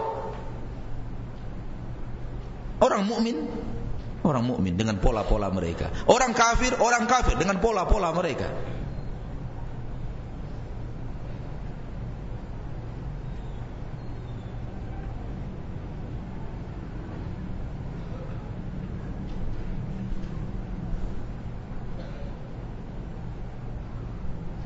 Sehingga ketika keinginan mereka adalah untuk untung, segala sesuatu yang ditakar dengan untung, yang penting untung. Soal kemudian terjadi pencurian, soal kemudian tidak dijalankan amanah dengan baik, soal harus sogok sana, sogok sini, mereka lakukan.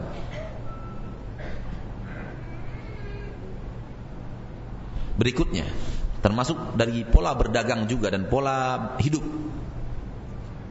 Orang kafir melakukan pinjaman-pinjaman riba.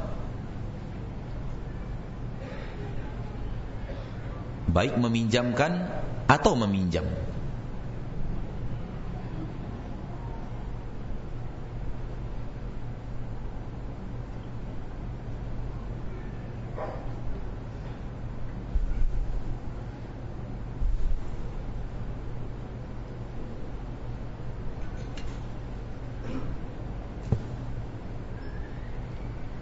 Percaya tidak percaya, gelas di sebelah kanan ini identitas orang Islam, orang mukmin.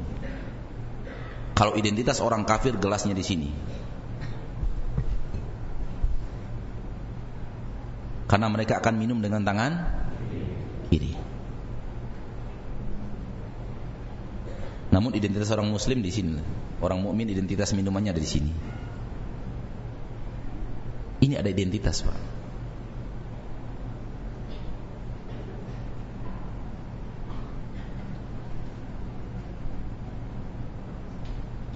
Apa tadi yang terakhir? Riba. Orang kafir soal pinjam meminjam sesama mereka mereka akan mengatakan enak saja lu pinjam gua nggak dapat untung lu yang dapat untung. Nggak bisa. Saya harus dapat. Ya udah pinjam. 500 juta kembalikan 750 juta. Ya kalau begitu adil kata orang kafir buat transaksi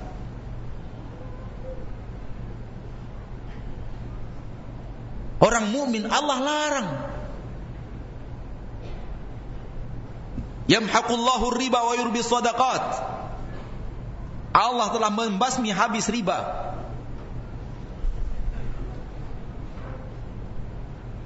Gak boleh transaksi riba.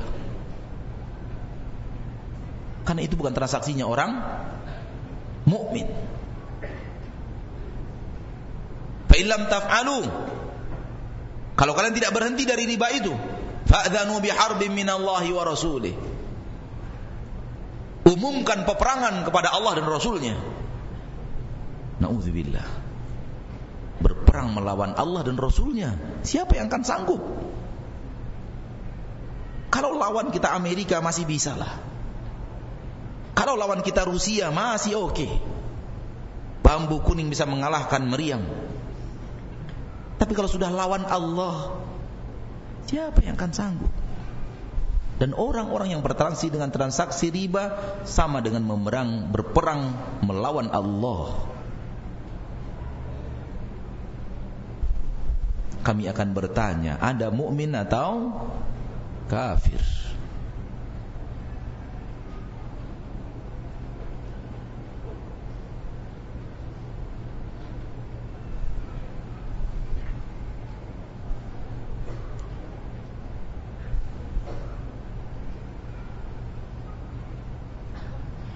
Orang kafir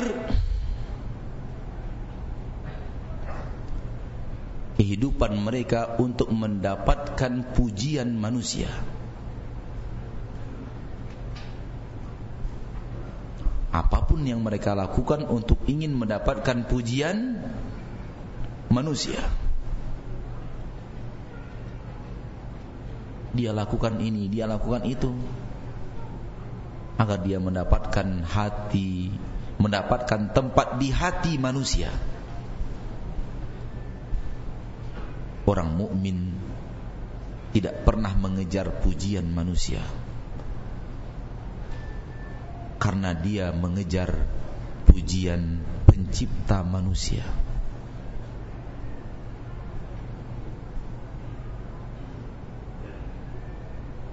Maka orang-orang yang berbuat kebaikan tujuannya hanya mengejar pujian manusia, Allah benci sekali.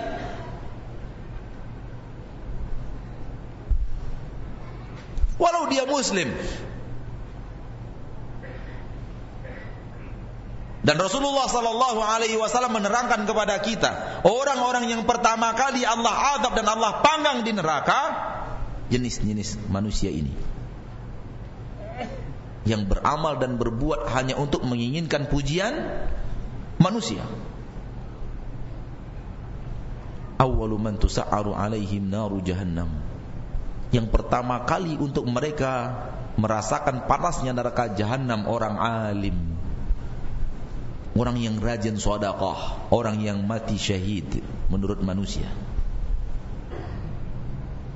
Tapi ternyata mereka bertiga menginginkan semua amalan hebat mereka untuk mendapatkan pujian manusia. Allah benci kepada mereka sebenci-bencinya. Allah buktikan mereka yang dulu dipanggang di neraka sebelum Allah memanggang Fir'aun.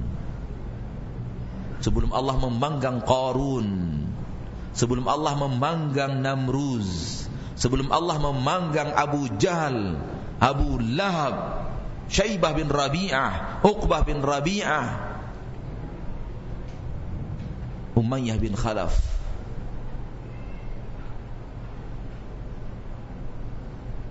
Walid bin Mughirah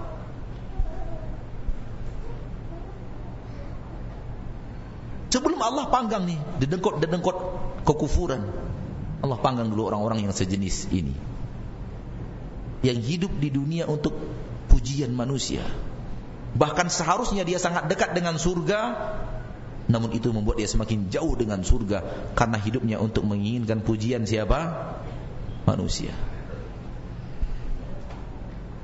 Lam ya'malan mu'adzabun qiyamati qabla ubadil wathan orang berilmu tidak mengamalkan ilmunya di akhirat dipanggang sebelum penyembah-penyembah berhala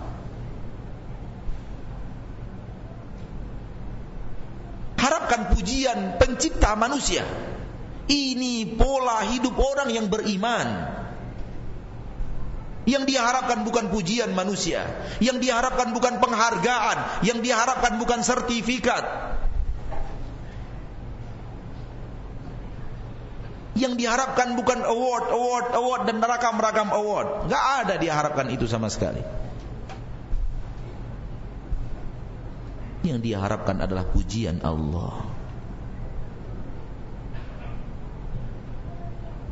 supaya dia benar-benar serius untuk mendapatkan pujian Allah dan niatnya tidak terganggu maka orang-orang yang serius ingin mencari pujian Allah selalu beramal soleh di saat orang lain tidak melihat mereka karena pola hidup dia takut kalau dia beramal soleh di hadapan mata orang banyak kalau dia beramal soleh di hadapan mata orang ramai, tak dapat dia tujuan hidupnya. Tak dapat dia orientasi amalnya. Apa orientasinya? Pujian Allah. Oleh karena itu yang paling dia sukai adalah beramal soleh di saat orang lain tidak melihat. Karena ketika itu tidak ada yang menarik-narik niatnya untuk lari daripada tujuan utamanya ingin dipuji oleh Allah pencipta manusia.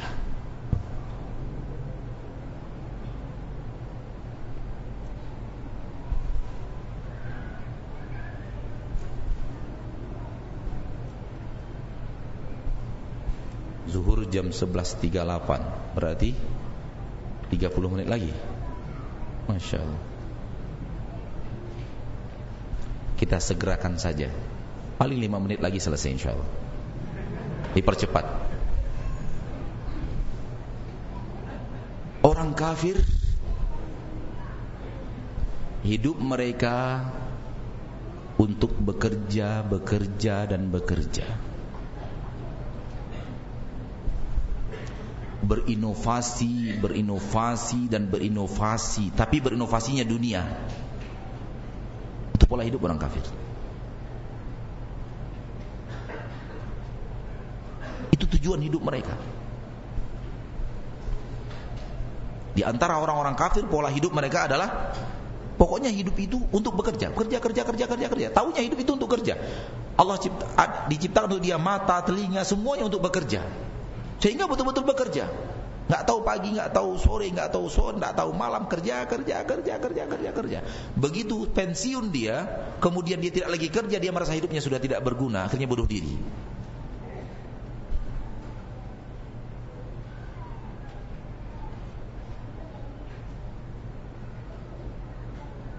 Umat Islam bekerja, bukan tidak bekerja.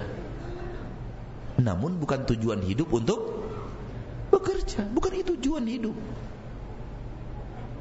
Kalau ada umat Islam, umat mukmin yang tujuan hidupnya bekerja, bekerja, bekerja, bekerja, bekerja dan tidak ada ibadahnya, kita akan bertanya, engkau mukmin atau kafir?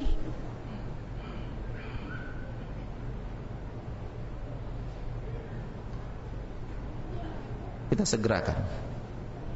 Sebagian orang kafir hidupnya untuk hal-hal yang sepele yang penting terkenal.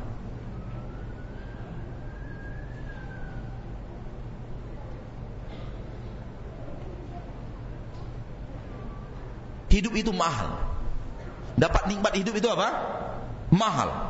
Mata itu mahal seperti tadi mukadimah kita telinga ini mahal, lidah ini mahal, tangan ini mahal, kaki ini mahal, otak kita yang akal kita itu mahal, jantung mahal, paru-paru mahal, semuanya mahal.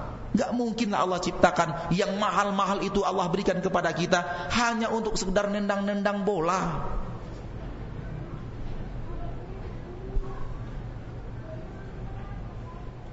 Pernah gak antum sadar? Nendang bola ini hal yang sangat sepele. Tidak akanlah mungkin hidup yang mahal ini untuk itu.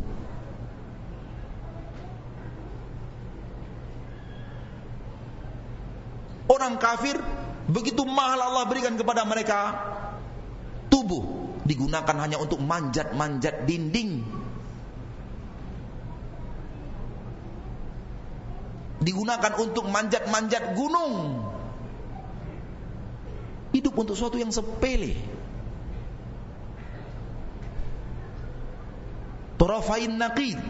Dua hal yang bertolak belakang. Satunya untuk kerja, kerja, kerja, kerja, kerja. Dan itu juga salah. Kalau tidak ada ibadahnya. Hidup untuk sepele, sepele, sepele, sepele, sepele. Hidup hanya untuk tertawa. Hidup hanya untuk nongkrong.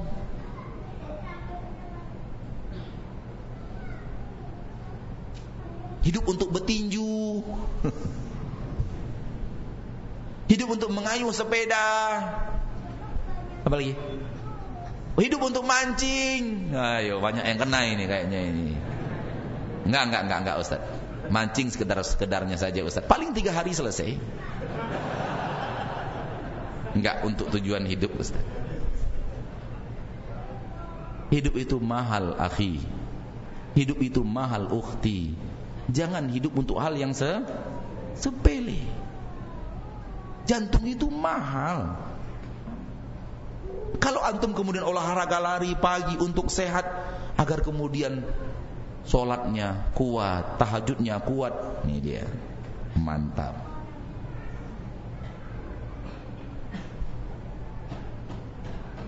Tapi kalau hidup untuk lari, lari lagi dan lari lagi, lari lagi dan lari lagi. Bentar lagi olimpiade, lari lagi, lari lagi.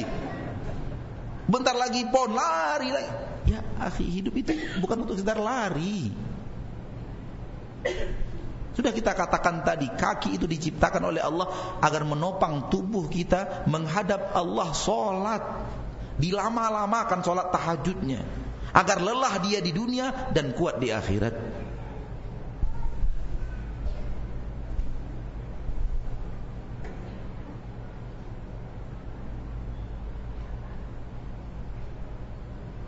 Orang kafir pola pakaiannya tidak sama dengan pola pakaian orang yang beriman. Terjemahkan saja sendiri. Orang kafir selalu menciptakan perbedaan kasta dalam kehidupan. Orang beriman tidak pernah menciptakan kasta. Sama, saya dan dia sama-sama orang yang beriman.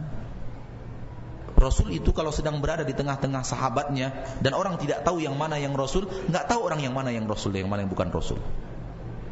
Saking miripnya Rasul dengan para sahabat.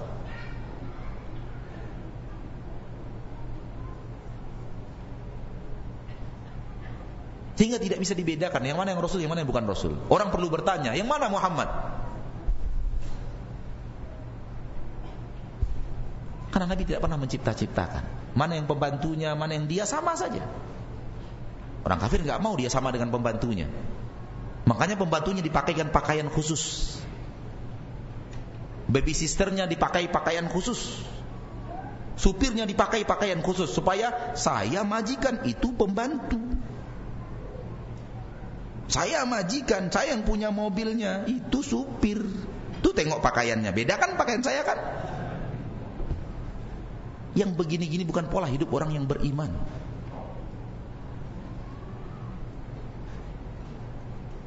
Sama, dia dan saya sama-sama manusia. Saya ada kebutuhan kepada dia, dia ada kebutuhan kepada saya, terjadilah transaksi. Soal di mana siapa di antara kami yang lebih mulia? Allahu alam. Mungkin saya lebih mulia daripada dia, mungkin dia lebih mulia daripada saya. Ini pola hidup orang yang beriman. Tidak menciptakan kasta. Para sahabat itu ketika bekerja di kebun bersama budak-budaknya, nggak bisa dibedakan yang mana yang majikan, yang mana yang budak. Itu budak loh Pak. Dan budak itu bukan pembantu, jauh di bawah pembantu kastanya. Namun gak, gak dianggap kasta oleh orang yang beriman. Sama saja. Makanan dia makan sama-sama sama budaknya. Bagaimana pakaian dia seperti itu pula pakaian budak-budaknya.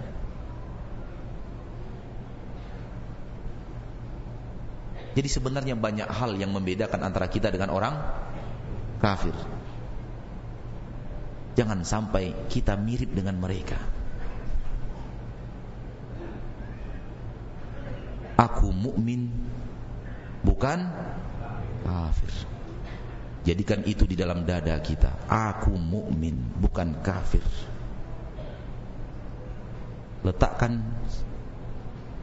stiker ini di tempat yang sering antum lihat dengan mata. Di mana kira-kira tempat di rumah yang mata antum paling sering ke situ? Tempelkan ini di situ. Supaya antum ingat, aku mukmin bukan supaya antum menciptakan perbedaan. Menunjukkan antum orang yang beriman dan bukan orang kafir. Sampai di situ bahasan kita pada kesempatan yang berbahagia ini. Kita lanjutkan menjawab pertanyaan sampai jam berapa? Pas sampai azan. Kasih waktu berapa menit? 10 menit. 10, ah? 5 menit. Baik, sampai jam 11 lewat 33 insyaallah. Ini gimana? Langsung aja ambil gini.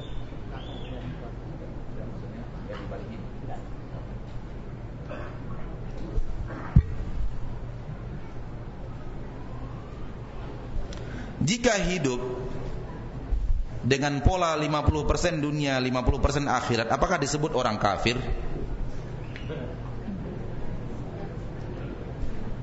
Orang kafir tidak pernah hidup untuk akhirat. Ada nggak orang kafir hidup untuk akhirat? Enggak, berarti bukan pola hidup orang kafir 50-50. Orang kafir hidupnya semuanya untuk dunia.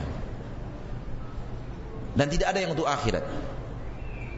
Orang kafir hidupnya semuanya untuk dunia dan tidak ada yang untuk kalau ada orang yang katanya Islam tapi hidupnya semuanya untuk dunia dan tidak ada yang untuk akhirat, ini bisa sampai kepada kekafiran. Tapi di sini dia mengatakan hidupnya 50-50, 50% untuk dunia, 50% untuk akhirat. Berarti dia belum orang kafir. Belum kafir ini. Tapi berapa ya? Berapa persen kafirnya? Apakah benar prinsip hidup 50-50? Jawabannya tidak benar. Jawabannya apa? Tidak benar. Kalau Anda meyakini 50-50, bagaimana Anda memahami firman Allah, "Walal akhiratu khairun laka minal ula." Bagaimana Anda akan memahami firman Allah wal akhiratu khairu wa abqa.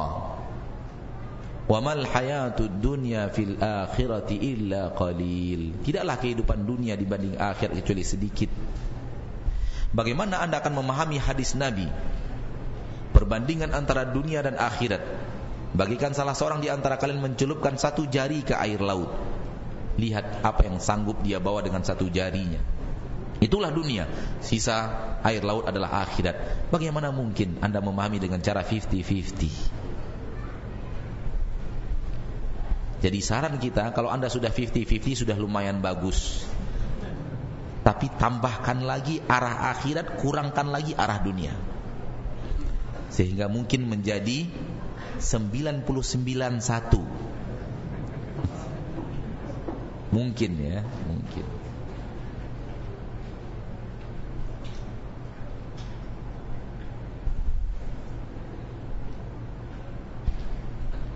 Di dalam kehidupan kita sehari-hari di kantor, di lingkungan, di rumah, di instansi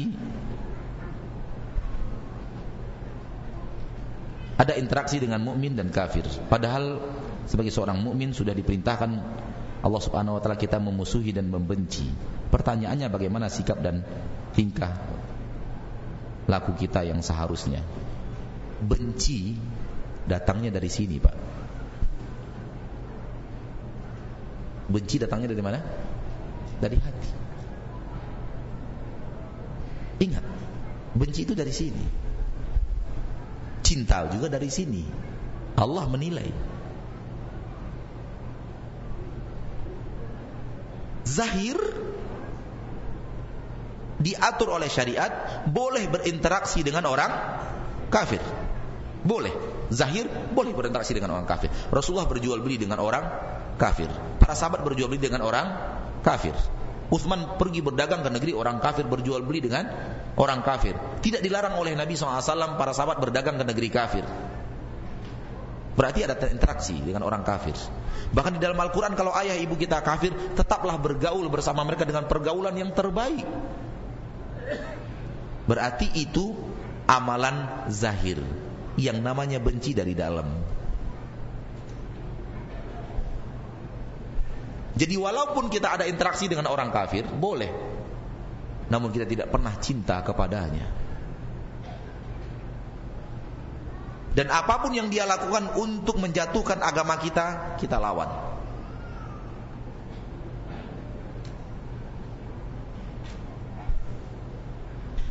Toko orang kafir ada AC-nya. Pencahayaannya terang. Dan tidak ada expired di sana dan kita tidak dikawal-kawal ke mana pergi. Sedikit mahal memang. Toko orang mukmin banyak debunya, nggak ada AC-nya gerah. Lalu dengan alasan itu orang Islam belanja ke toko orang kafir nggak ada masalah. Secara agama tidak ada masalah. Namun tidak membuat dia cinta kepada orang kafir. Jadi kalau masuk toko orang kafir itu dan ada orang kafir di sana, aku belanja barangmu tapi aku tidak suka sama kamu ya. Nah, itu di hati ya, jangan ngomongkan gitu. Di hati begitu tuh. Aku suka barang daganganmu karena di sini tempatmu bersih. Tapi aku tidak pernah benci sama kamu, tidak pernah cinta sama kamu. Aku selalu benci. Apalagi tuh tuh, tuh di belakang tuh tuh. Tuh ada lilin-lilin apa itu? Oh, harus begitu kita. Ada orang yang sangat ekstrim mengatakan nggak boleh belanja kepada orang kafir. Itu aneh. Rasul saja melakukan. Rasulullah SAW ketika meninggal hutang sama siapa? Yahudi. Itu bukti nyata sampai akhir hayat Rasul interaksi zahir dunia dengan orang kafir boleh. Rasul pinjam bahkan pokok gandum. Rasulullah gadaikan baju besi, baju perang. Dengan itu Rasulullah wafat. Hutang yang sedikit, yang gampang untuk diselesaikan. Kenapa Rasul nggak ngutang ke Utsman?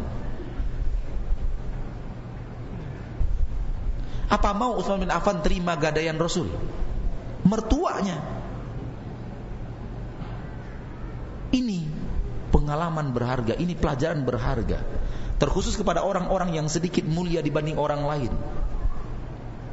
Jangan pinjam kalimatnya aja pinjam, sebenarnya minta. Pinjam saya uang dulu, Pak. Kalimatnya pinjam di hatinya, mudah-mudahan Bapak kasih ya, Bun. Ini namanya pengemis bergengsi. Nggak boleh. Terus terang minta. Pak, tolong belikan saya. Celana. Terus terang, jangan pinjamkan saya dulu ini. Pinjamkan dulu. Nggak boleh.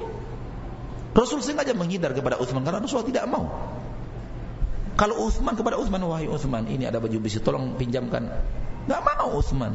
Seberapa akan dibawa ke rumah Rasul? Rasul gak mau itu. Kemuliaan jiwa. Ustaz bagaimana nasib orang kafir yang belum dapat dakwah sampai saat ini? Contohnya di pedesaan yang jauh dari dakwah umat Islam. Antum begitu peduli sama orang kafir ya? Masya Allah. Sudah sepeduli gitulah kepada iman antum sendiri?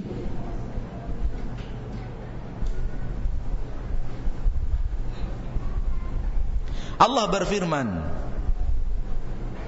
Wa ma kunna mu'adzibina hatta nab'atha rasula Kami tidak akan mengadab mereka sampai kami mengutus kepada mereka risalah seorang rasul dan juga setelah rasul wafat yang membawa risalah itu kepada mereka. Kami tidak akan adab sampai sampai sampai kepada mereka hingga sampai kepada mereka risalah. Allah jamin itu. Antum, antum, antum, jangan jangan antum khawatir orang kafir yang tinggal di pedalaman Amazon. Jangan jangan khawatir. Jangan antum khawatir orang-orang kafir yang tinggal di di negeri-negeri kafir, total negeri kafir. Jangan khawatir. Khawatirkan anak antum dipengaruhi orang kafir atau tidak nantinya. Allah tidak akan pernah menzolimi.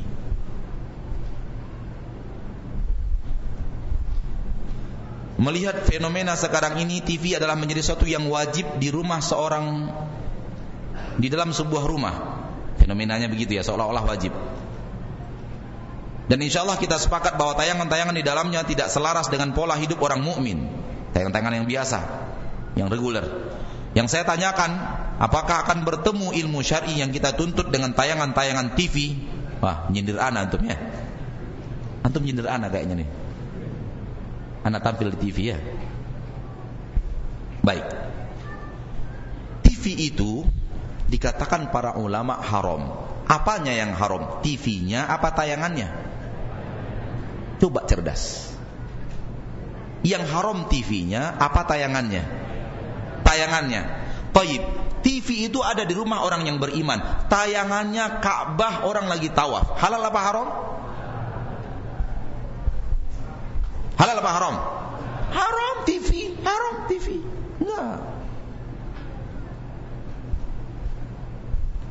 Kemudian TV ada di rumah seseorang. Tayangan di TV itu orang yang mengajarkan ayat-ayat Allah, mengajarkan hadis-hadis Rasulullah. Haram TV itu? Enggak. TV enggak pernah haram, Pak. Dia hanyalah kaca, plastik, kabel. Enggak pernah haram itu. Yang haram tayangannya. Ketika tayangannya tidak lagi haram, maka tidak haram untuk ditonton. Tapi kan nanti dia pindah channel, ah itu lain lagi ceritanya. Itu lain lagi apa? Ceritanya ketika dia menyaksikan kajian, dia mendapatkan faedah, maka tidak haram ketika dia pindah channel melihat apa yang dilihat daripada kemaksiatan dia melakukan yang haram. Maka usulan anak kepada antum-antum yang punya TV, matikan seluruh tayangan haram. Tampilkan saja hanya seluruh tayangan-tayangan yang halal. Dan itu sudah bisa. Teman-teman kita alhamdulillah sudah bisa mengunci seluruh channel-channel haram itu. Dan yang akan hanya hidup hanya channel-channel halal. Ustadz, Ketika nonton antum ceramah, istri saya ngomong, ganteng sekali ustadz itu. Jangan salahkan ustadznya yang ganteng, salahkan istri antum. Kok ustadz yang disalahkan? Ustadz ceramah kok. Cerdas. Rasul ceramah. Ada mukminat yang melihat. Apakah Rasul salah?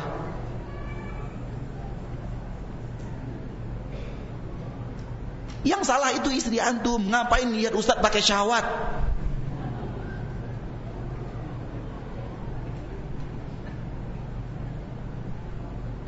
Jadi tolonglah adil dan arif dalam menilai. Kalau yang salah istri antum, jangan ustadz yang disalahkan. Kalau yang salah istri antum, jangan roja yang disalahkan. Istri antum nggak bener. Istri antum salahkan, ben benerkan. Benarkan apa salahkan sih? Nggak tahu mana.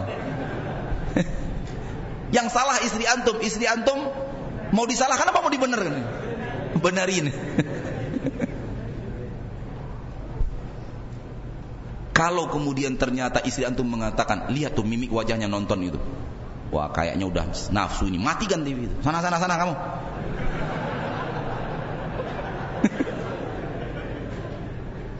Semakin rajin kamu melihat ustadz itu semakin jelek saya di hadapan matamu.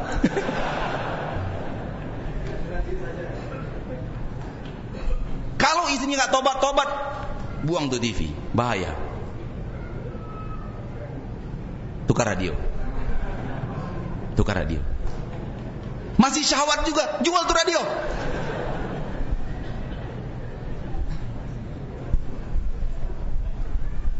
Jadi yang salah salahkan, yang benar benarkan. Jangan kemudian orang yang salah siapa, yang disalahkan siapa.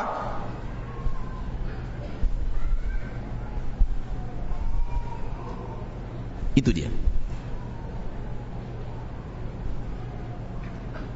Apakah menonton sepak bola termasuk apakah menonton sepak bola sampai begadang termasuk loyalitas kepada orang kafir?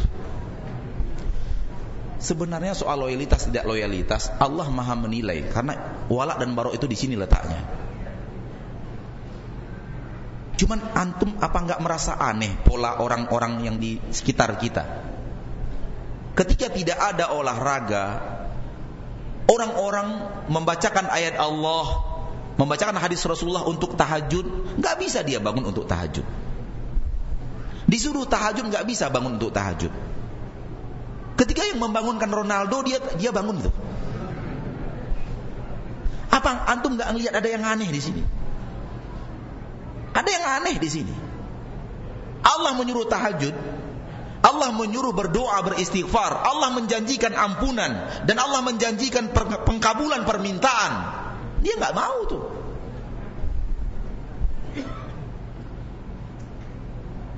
Ketika si kafir akan berakting, wow, dia begadang, dia siapkan kopi paling pahit.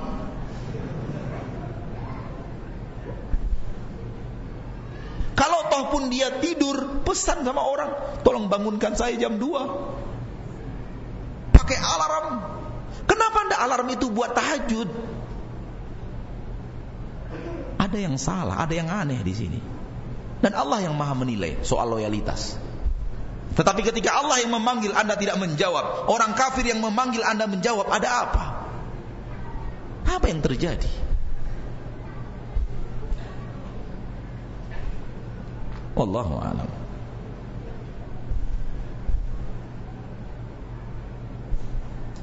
Ustadz saya dipaksa ikut bermaksiat oleh atasan saya. Bahkan harta saya diambil serta diancam mutasi. Apa yang harus saya lakukan? Yang harus anda lakukan Jangan berbuat maksiat. Sabar dengan apa yang akan terjadi dan menimpa. Itu yang harus anda lakukan.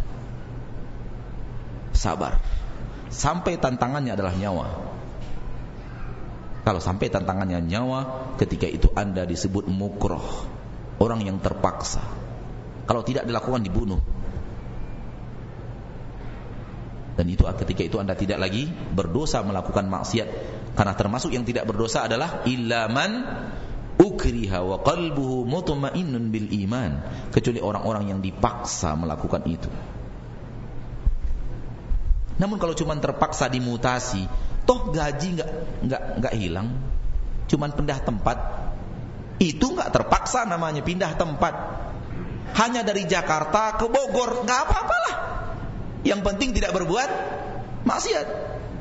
Jangan kemudian demi mempertahankan Jakarta, ah saya terpaksa ikuti saja. Nanti di akhirat dia tanggung dosanya. Ndak. Di akhirat Anda tanggung sendiri. Setan kadang-kadang datang kepada kita dan mengatakan, kan dia yang nyuruh, dia yang tanggung dosanya nanti. Bohong. Setan bohong, iblis bohong. Anda yang tanggung dosa Anda sendiri. Nggak akan orang lain menanggung dosa yang Anda lakukan. Wala taziru waziratun wizra ukhra. Seorang yang berbuat dosa tidak akan menanggung dosa orang lain.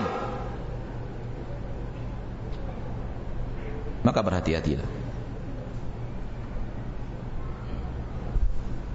Jika seorang akhwat akan menikah sementara bapak dan keluarga bapaknya semuanya kafir. Ibunya muslimah, siapa yang berhak menjadi wali nikahnya? Kok bisa bapaknya kafir, ibunya muslimah? Hah? Udah cerai. Kalau udah cerai nggak ada masalah. Tapi kalau masih rumah tangga, bapak kafir, ibu muslimah nggak boleh, haram.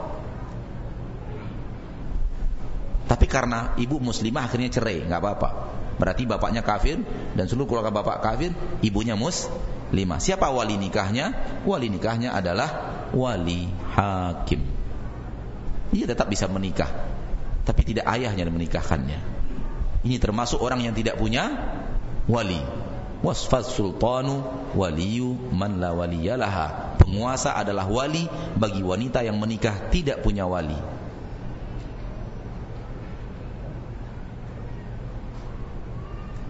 Ustaz apa yang dimaksud dengan kufur kecil?